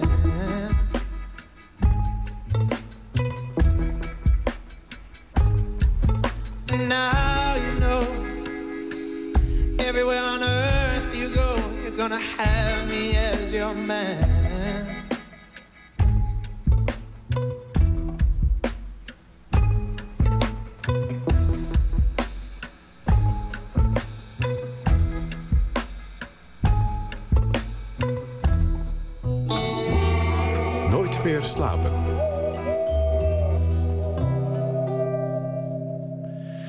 Mooi bericht eh, van NRC vandaag. Altijd al als personage willen fungeren in een roman? Vraagsteken. Vraagteken. Dat was eh, de vraag. Een veiling in Londen, daar kun je binnenkort een rol kopen in een boek. Bijvoorbeeld een nieuwe Ian McEwan. En dat doe je dan ook nog eens voor een goed doel. Anton de Goede is onze nachtcorrespondent. Goeienacht, eh, Anton. Goeienacht, Pieter. Hoe werkt dat? Een, eh, een, eh, een rol in een roman kopen? Een personage Een goede worden? stunt. Ja, dit, dit, dit- het, het komt van de Freedom from Torture, heet die club. Eh, en die organiseert op grote schaal een literaire avond. Het is een Britse organisatie die slachtoffers van mensenrechten schendingen bijstaat. En dus geld wil inzamelen. Eind van deze maand in Londen moet het hoogtepunt worden van de zogeheten Immortality Auction. Een veiling noemen ze dat voor onsterfelijkheid. Aanwezigen die 30 pond hebben neergelegd, worden dan in staat gesteld een bod uit te brengen op een rol in een roman van echt grote Britse schrijvers als Margaret Atwood, Ellen Hollinghurst, jij noemde zelf Ian McEwan, Pat Barker, Zadie Smith. En je kunt dan jezelf kandideren, maar ook een ander, je partner bijvoorbeeld. En nu komt het, je hoeft niet eens op die avond, op die dure literaire avond te zijn. Je kunt ook via internet en dus ook vanuit Nederland achter de PC meebieden. Standaard openingsbod is 300 pond, komt neer op 400 euro.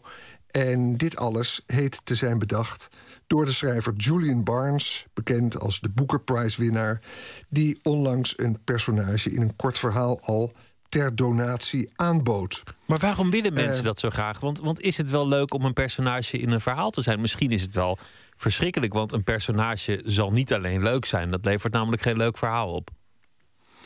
Nee, en die schrijvers die zijn groot genoeg om, eh, om niet naar ieders pijpen te willen dansen.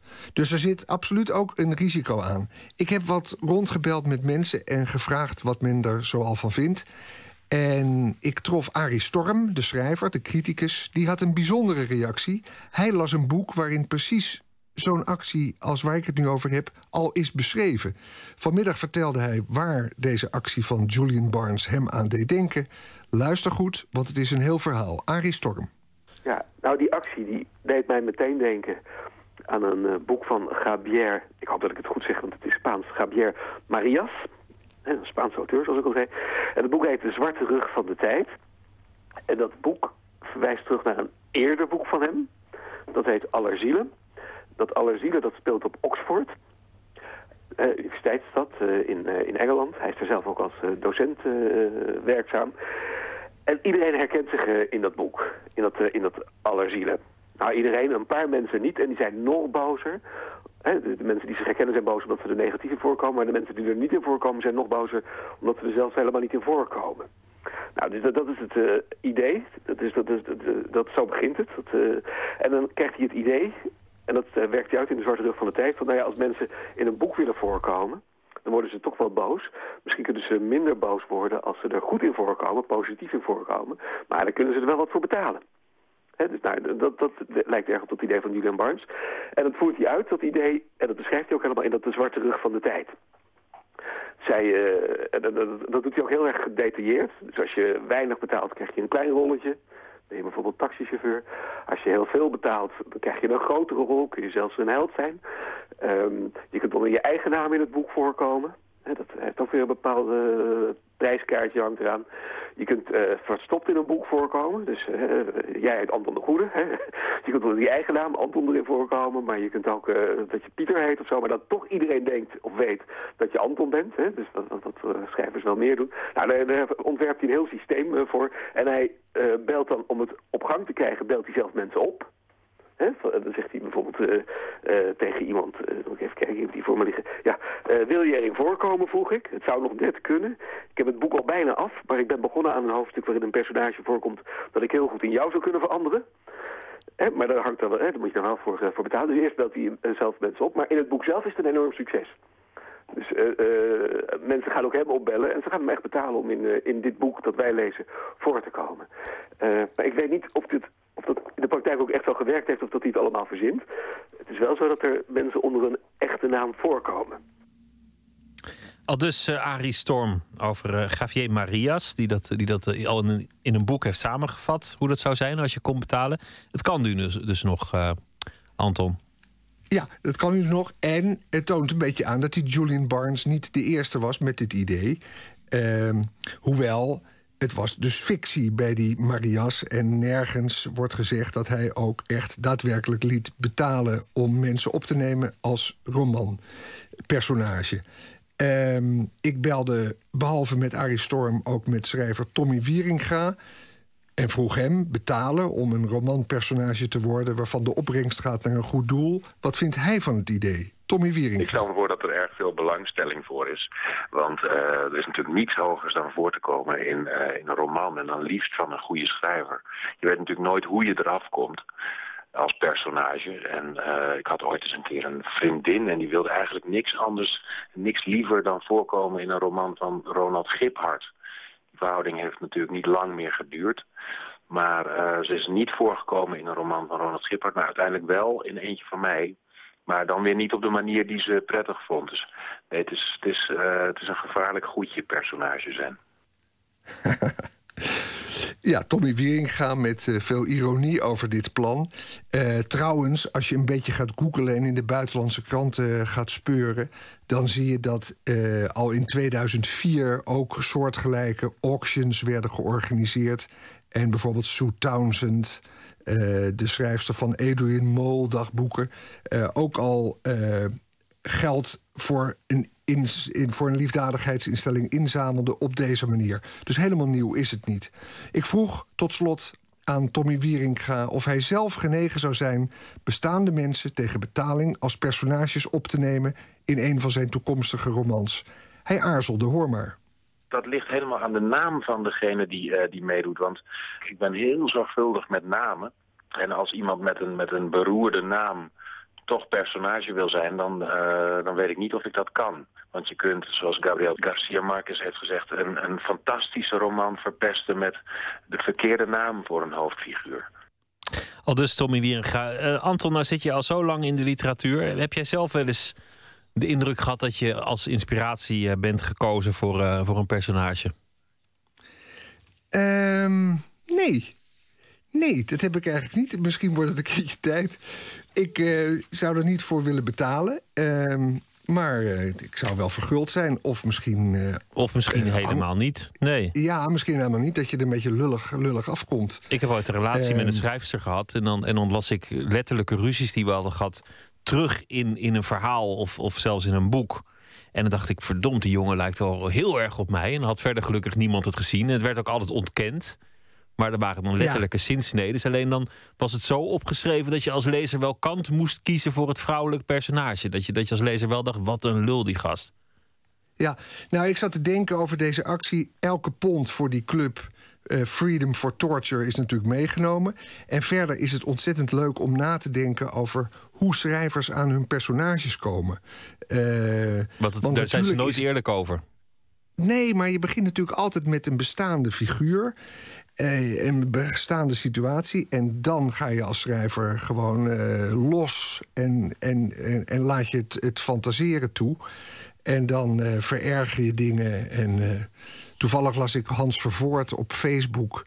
Die had het nog eens over het boek De Avonden van Gerard Reven. En hij zei. Ja, die heeft echt zo meedogenloos zijn ouders daarin geportretteerd. Dat het is eigenlijk, eh, dat, dat is, dat is eigenlijk not done. Maar ja, aan de Maar ja, andere als kant, als het een mooi boek oplevert, ik bedoel, wil je mooie literatuur of niet? Je kunt niet, je kunt niet een omelet bakken zonder een ei te breken. Daarom, een schrijver, een goede schrijver moet meedogenloos zijn. Anders dan wordt het niks. Dankjewel, Anton de Goede. En een goede nacht. Ja, jij ook.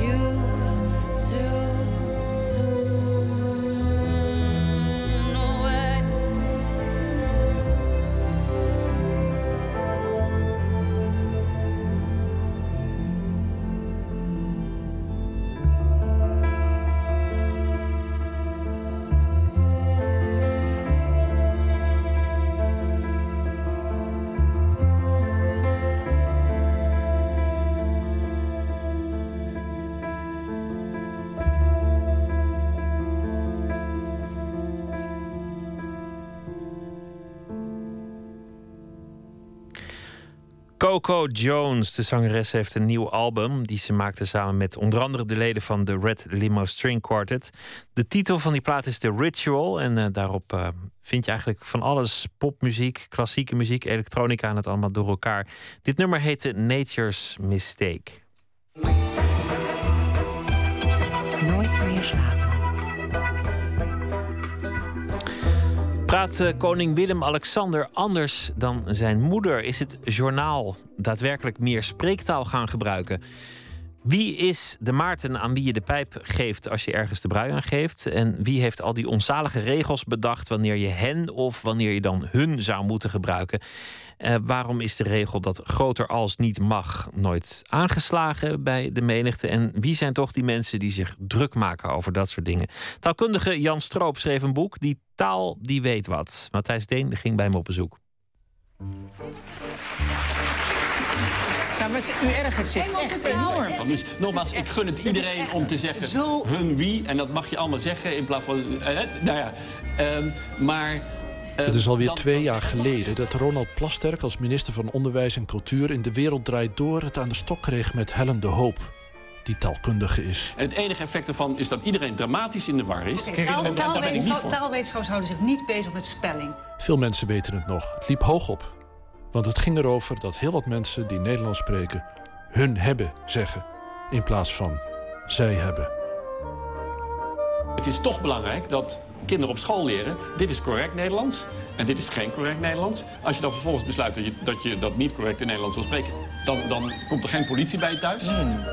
Naarmate het gesprek vorderde, groeide de vertwijfeling van de taalkundige, omdat wat Plasterk allemaal over taal zei, kant nog wel raakte.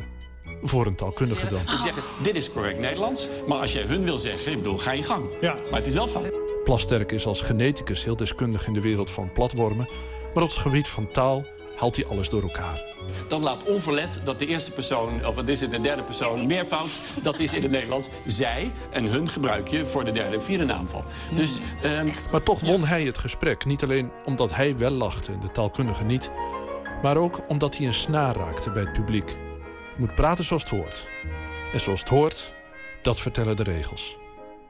Wie al die regels beheerst, die is een hele piet. Die voelt zich vaak de meerder van iemand die het niet kan. Ik heb er voorbeelden van, legio voorbeelden van, van mensen die anderen bekritiseren om spelfouten, maar ook om dit soort fouten als groter als. Jan Stroop is taalkundige en hij gaat de strijd opnieuw aan. In zijn boek Die taal, die weet wat. wie hen en hun weten onderscheiden, die is al heel wat. En die, die kijkt dan vaak neer op mensen die dat niet kunnen. Ook hij zal niets aan de wereld veranderen, want de ruzie tussen de minister en de taalkundige is al eeuwen oud. Ik kan Shakespeare makkelijker lezen dan Van den Vondel. Omdat we voortdurend mensen hebben gehad die probeerden die taal logischer te maken of aan te passen. Hij gaat net zo ver terug als de regels waar de minister zich op beroept. De 17e en vooral ook de 18e eeuw. De tijd van de taalkundige Balthasar Huidenkoper. Bij hem is alles begonnen. Allemaal, al, al die dingen waar wij nou zo het over hebben, die zijn door hem bedacht, mag ik wel zeggen. Onder andere groter dan en groter als. Hij bepaalde dat bij gelijkheid het voegwoord als gebruikt moet worden, even groot als, en bij ongelijkheid het voegwoord dan. Wat was de aanleiding voor Huidenkoper? Wat was het voor man en waarom, waarom kwam hij met die regel? Eh, eh, Hij heeft rechten gestudeerd, ik weet niet of dat de verklaring is. Maar hij vond het ook mooi. Hij was gefascineerd door het oudere Nederlands. Hij vond dus dat het middeleeuwse Nederlands het ideale Nederlands was. Dat had ook naamvallen en vormonderscheidingen die het latere Nederlands kwijtgeraakt is. En die wilde hij terug invoeren. Het was lekker ingewikkeld en het, het deed een beetje aan Latijn denken. Het deed precies aan het Latijn denken, want dat was hun inspiratie. Het Latijn heeft zoveel naamvallen. Wat jammer dat wij die kwijtgeraakt zijn. Kom op, we gaan ze weer opnieuw invoeren. Waarom? Nou, alles van de klassieke oudheid eh, fascineerde die mensen. Of het nou gaat om de architectuur, de schilderkunst, de toneelkunst... en ook de taalkundige visies van de oudheid, die, die sloegen aan. Die hele tijdgeest van de renaissance bepaalde dat feitelijk, zou je kunnen zeggen. Hè? Heeft het er ook iets mee te maken dat Nederland zocht naar een eigen identiteit? Ik moet je gelijk geven, er was een tijd waarin men zocht naar een algemene omgangstaal. Hè. We hebben de tijd van de republiek die toen aan het ontstaan was. Hè. We hebben het over het eind 16e eeuw, eerste helft 17e eeuw. Dan is er volop eh, reuring om een republiek te vormen. Enfin, die oorlog natuurlijk in de eerste plaats. Maar er moest dan ook een gemeenschappelijke taal worden gecreëerd. die er niet was, we hadden alleen maar dialecten, die in het hele gebied van de republiek acceptabel zou zijn en ingevoerd zou kunnen worden. Het land had zich bevrijd van Spaanse overheersing. Nederland moest zichzelf uitvinden en daar hoorde dus een taal bij. Een gemeenlands dialect, een taalvorm die in het hele gebied van de republiek ingevoerd zou moeten worden en aange- geaccepteerd zou moeten worden. Een kunstwerk, een gecreëerd soort Nederlands.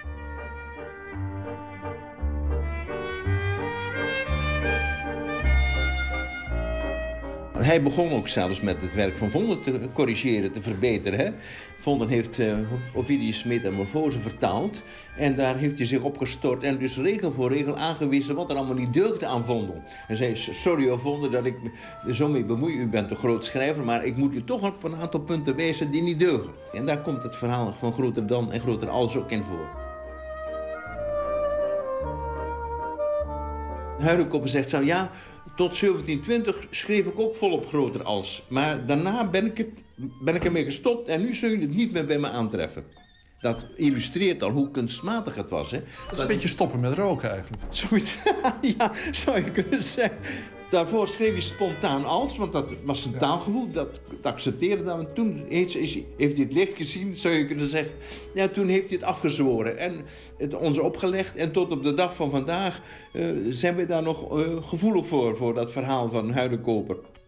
Eigenlijk zou je kunnen zeggen, je, hebt, je, hebt, eh, je bent taalkundige, je hebt bij wijze van spreken Nederlands gestudeerd. ehm, eh, een, een, een, een leraar, iemand die weet hoe het moet met de taal. Over het algemeen is het zo dat je zou zeggen, die huidenkoper, eh, dat is een van jouw club. Dat is hij helemaal niet, omdat hij eh, regels maakt. En wij proberen regels te ontdekken in de taal. Hoe zit de taal in elkaar? Wat is grammaticaal? Welke zaken kunnen wij niet zeggen? Dat is essentieel voor de grammatica. En wat kunnen wij wel zeggen? Wat niet kan, kun je niet zeggen, is mijn slogan. Hè? Wat niet grammaticaal is, kan geen Nederlander zeggen. Ik heb Zoals? nooit een geboren Nederlander horen zeggen... morgen ik kom. Bij wijze van scherts misschien, maar normaal kan een Nederlander dat niet zeggen. Ook niet in zin als, ik heb gekocht een nieuwe auto. Dat zegt geen Nederlander. En dat zou een taalfout zijn. Hun als onderwerp blijkt te kunnen in het Nederlands. Zoals in een Zeeuws dialect dat ons ook wel eens als onderwerp fungeert. Ja, hè? ja. Ons benzunig. Ehm. Trouwens, jullie gebruiken we ook al zowel als onderwerp, als meewerkend voorwerp en als leidend voorwerp. Hè? En bij ze is dat ook zo. Ze komen ook, ik heb ze gezien, ik heb het ze gegeven. Drie functies, één woord. Nou, die kant gaat het dus misschien met dat hun ook op. Kijk eens hoe wij onze zinnen vormen. Hoe zitten die in elkaar? Beschrijf dat nou eens. Dat is het systeem van onze grammatica. En dat hebben we al geleerd, opgepikt, hoe ingewikkeld het ook is tijdens onze kleuterjaren. En dan moet je niet aan gaan zitten rommelen. En dat doet dus die huidenkoper, want die wil het Nederlands A weer in zijn middeleeuwse status terugbrengen. En bovendien ook nog wat naamvallen expres gaan invoeren. Want een heel cu- curieus geval is natuurlijk ook hen en hun. Hè? Die regel is van Christian van Heulen. Dat is alweer een eh, eeuw eerder gebeurd, maar opgepikt door die latere grammatici als Huidenkoper. Die zei, je ziet in onze dialecten hen en hun overal voorkomen. Laten we die nou eens gaan gebruiken voor het naamvallensysteem. Dan gaan we dus hun gebruiken voor de derde naamval, meerwerkend voorwerp. En hen gaan we gebruiken als leidend voorwerp, de vierde naamval. Dan moet je even wat voorbeeldzinnetjes geven. Nou, dat ga ik doen. Ik heb het hun gegeven, ik heb hen gezien. Zo moet het, zei Van Heulen. Want dan hebben we dus echt ook weer die naamval. Maar Hoofd zei, nou kijk, als we nou voor het meervoud hen en hun hebben... dan kunnen we dat eigenlijk ook bij het enkelvoud doen. Hem en hum, dan is hum dus meerwerkend voorwerp en hem leidend voorwerp. Als ik dat vertel, dan lachen mensen altijd. Toen zei ik, maar dat is toch even belachelijk als dat hen en hun... Ik bedoel eigenlijk, hen en hun onderscheiden is dan toch even belachelijk als hem en hum onderscheiden.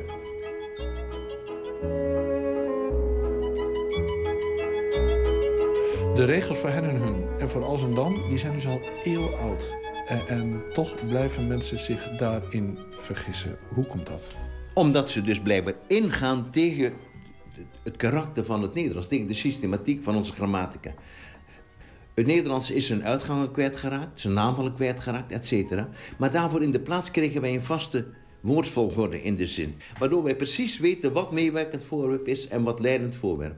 Daar maakt geen Nederlander fouten in. Geen Neder- Nederlander kan zeggen, of de meeste Nederlanders kunnen niet zeggen... dat is meewerkend voorwerp en dat is leidend voorwerp... en daarom gebruiken ze in die volgorde. Kunnen ze niet uitleggen, maar ze doen het perfect. De discussie over of het nou hun of hen moet zijn... of hun zeggen of dat wel of niet kan of mag...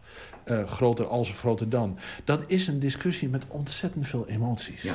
Ehm, hoe kan dat eigenlijk? Dat weet ik eigenlijk ook niet. Misschien omdat taal toch zoiets eigens is dat je, dat je daar niet aan mag komen. Dat het iets van mij is en dat ik daarom niet wil dat anderen het anders gebruiken dan ik het doe. Een taalkundige die verklaart, die schrijft niet voor.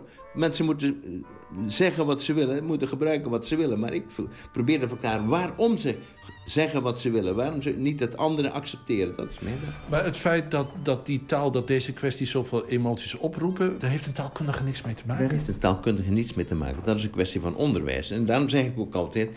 eh, ik, heb ook wel eens, ik hou ook wel eens spreekbeurten voor leraren of leraren in opleiding... want die zitten met dat probleem, die worstelen daarmee. Dan zeg ik, je moet die jongelui niet vertellen dat ze dom zijn als ze hun hebben zeggen. Je moet wel zeggen, je kunt het beter niet doen, want je wordt erop afgerekend. Dat is mijn standpunt, hè. En dat vinden ze dan toch wel prettig, want jongelui uitleggen dat ze dom zijn... is natuurlijk nooit zo prettig en sympathiek. Maar als je kunt zeggen, het is onverstandig als je hun hebben zegt... dan kom je een heel eind verder.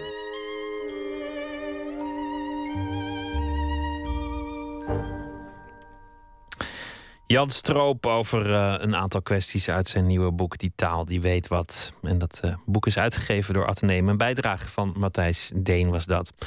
Garden Jeffries is een eh, min of meer bekende man uit de muziek in New York. Hij speelde samen met Lou Reed. Schreef heel veel hits voor anderen. Heeft eigenlijk een... nou ja, redelijk oeuvre opgebouwd. Als soloartiest is hij nooit helemaal doorgebroken, maar toch zijn er heel veel hits die je van hem zou kunnen kennen. We gaan luisteren naar het nummer Ghost Rider.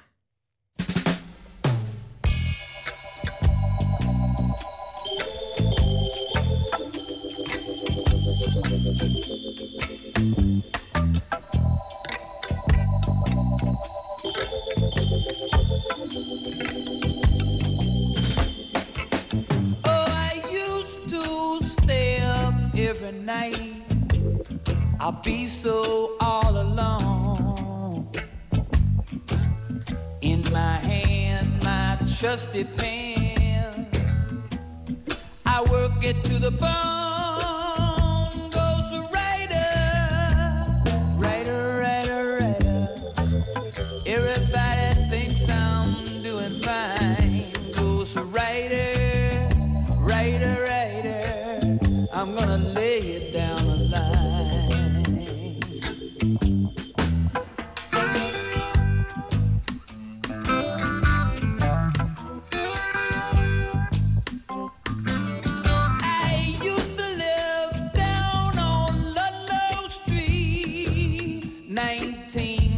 1964.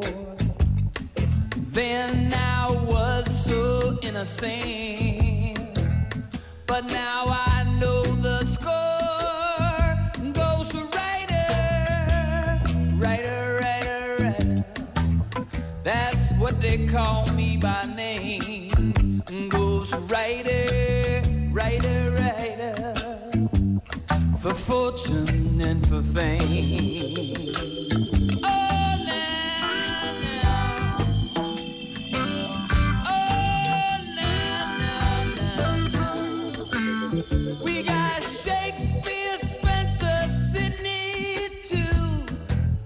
All know what they do. I'm a poet of a kind. I know that you are too. A ghost writer, writer, writer, writer. Just trying to make my way. Ghost writer, writer, writer. I'm gonna lay one down.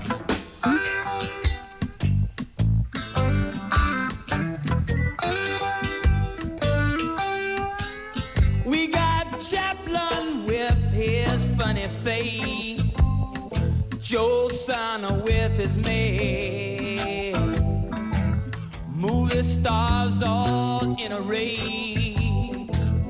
I'm going to Hollywood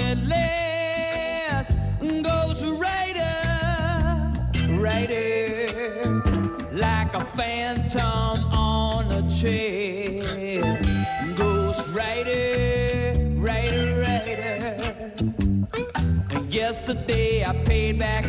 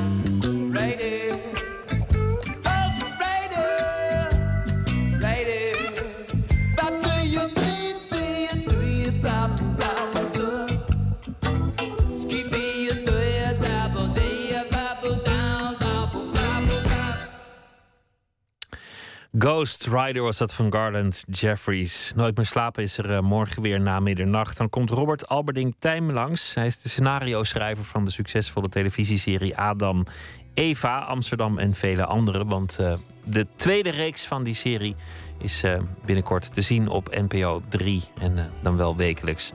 We gaan het ook hebben over Interstellar. Dat is een, een film, science fiction film, maar dan wel wetenschappelijk verantwoord. We gaan er naartoe om te kijken hoe het allemaal klopt over ruimte en tijd en eh, andere beelden eh, uit het eh, heelal. Samen met Vincent Ike doen we dat. Zijn we naar die film geweest. Dat allemaal morgen. Ik wens u voor nu een hele goede nacht en morgen een goede dag. En zometeen op deze zender de EO met Dit is de Nacht. Twitter, het VPRO NMS of via de mail VPRO.nl. Een hele goede nacht.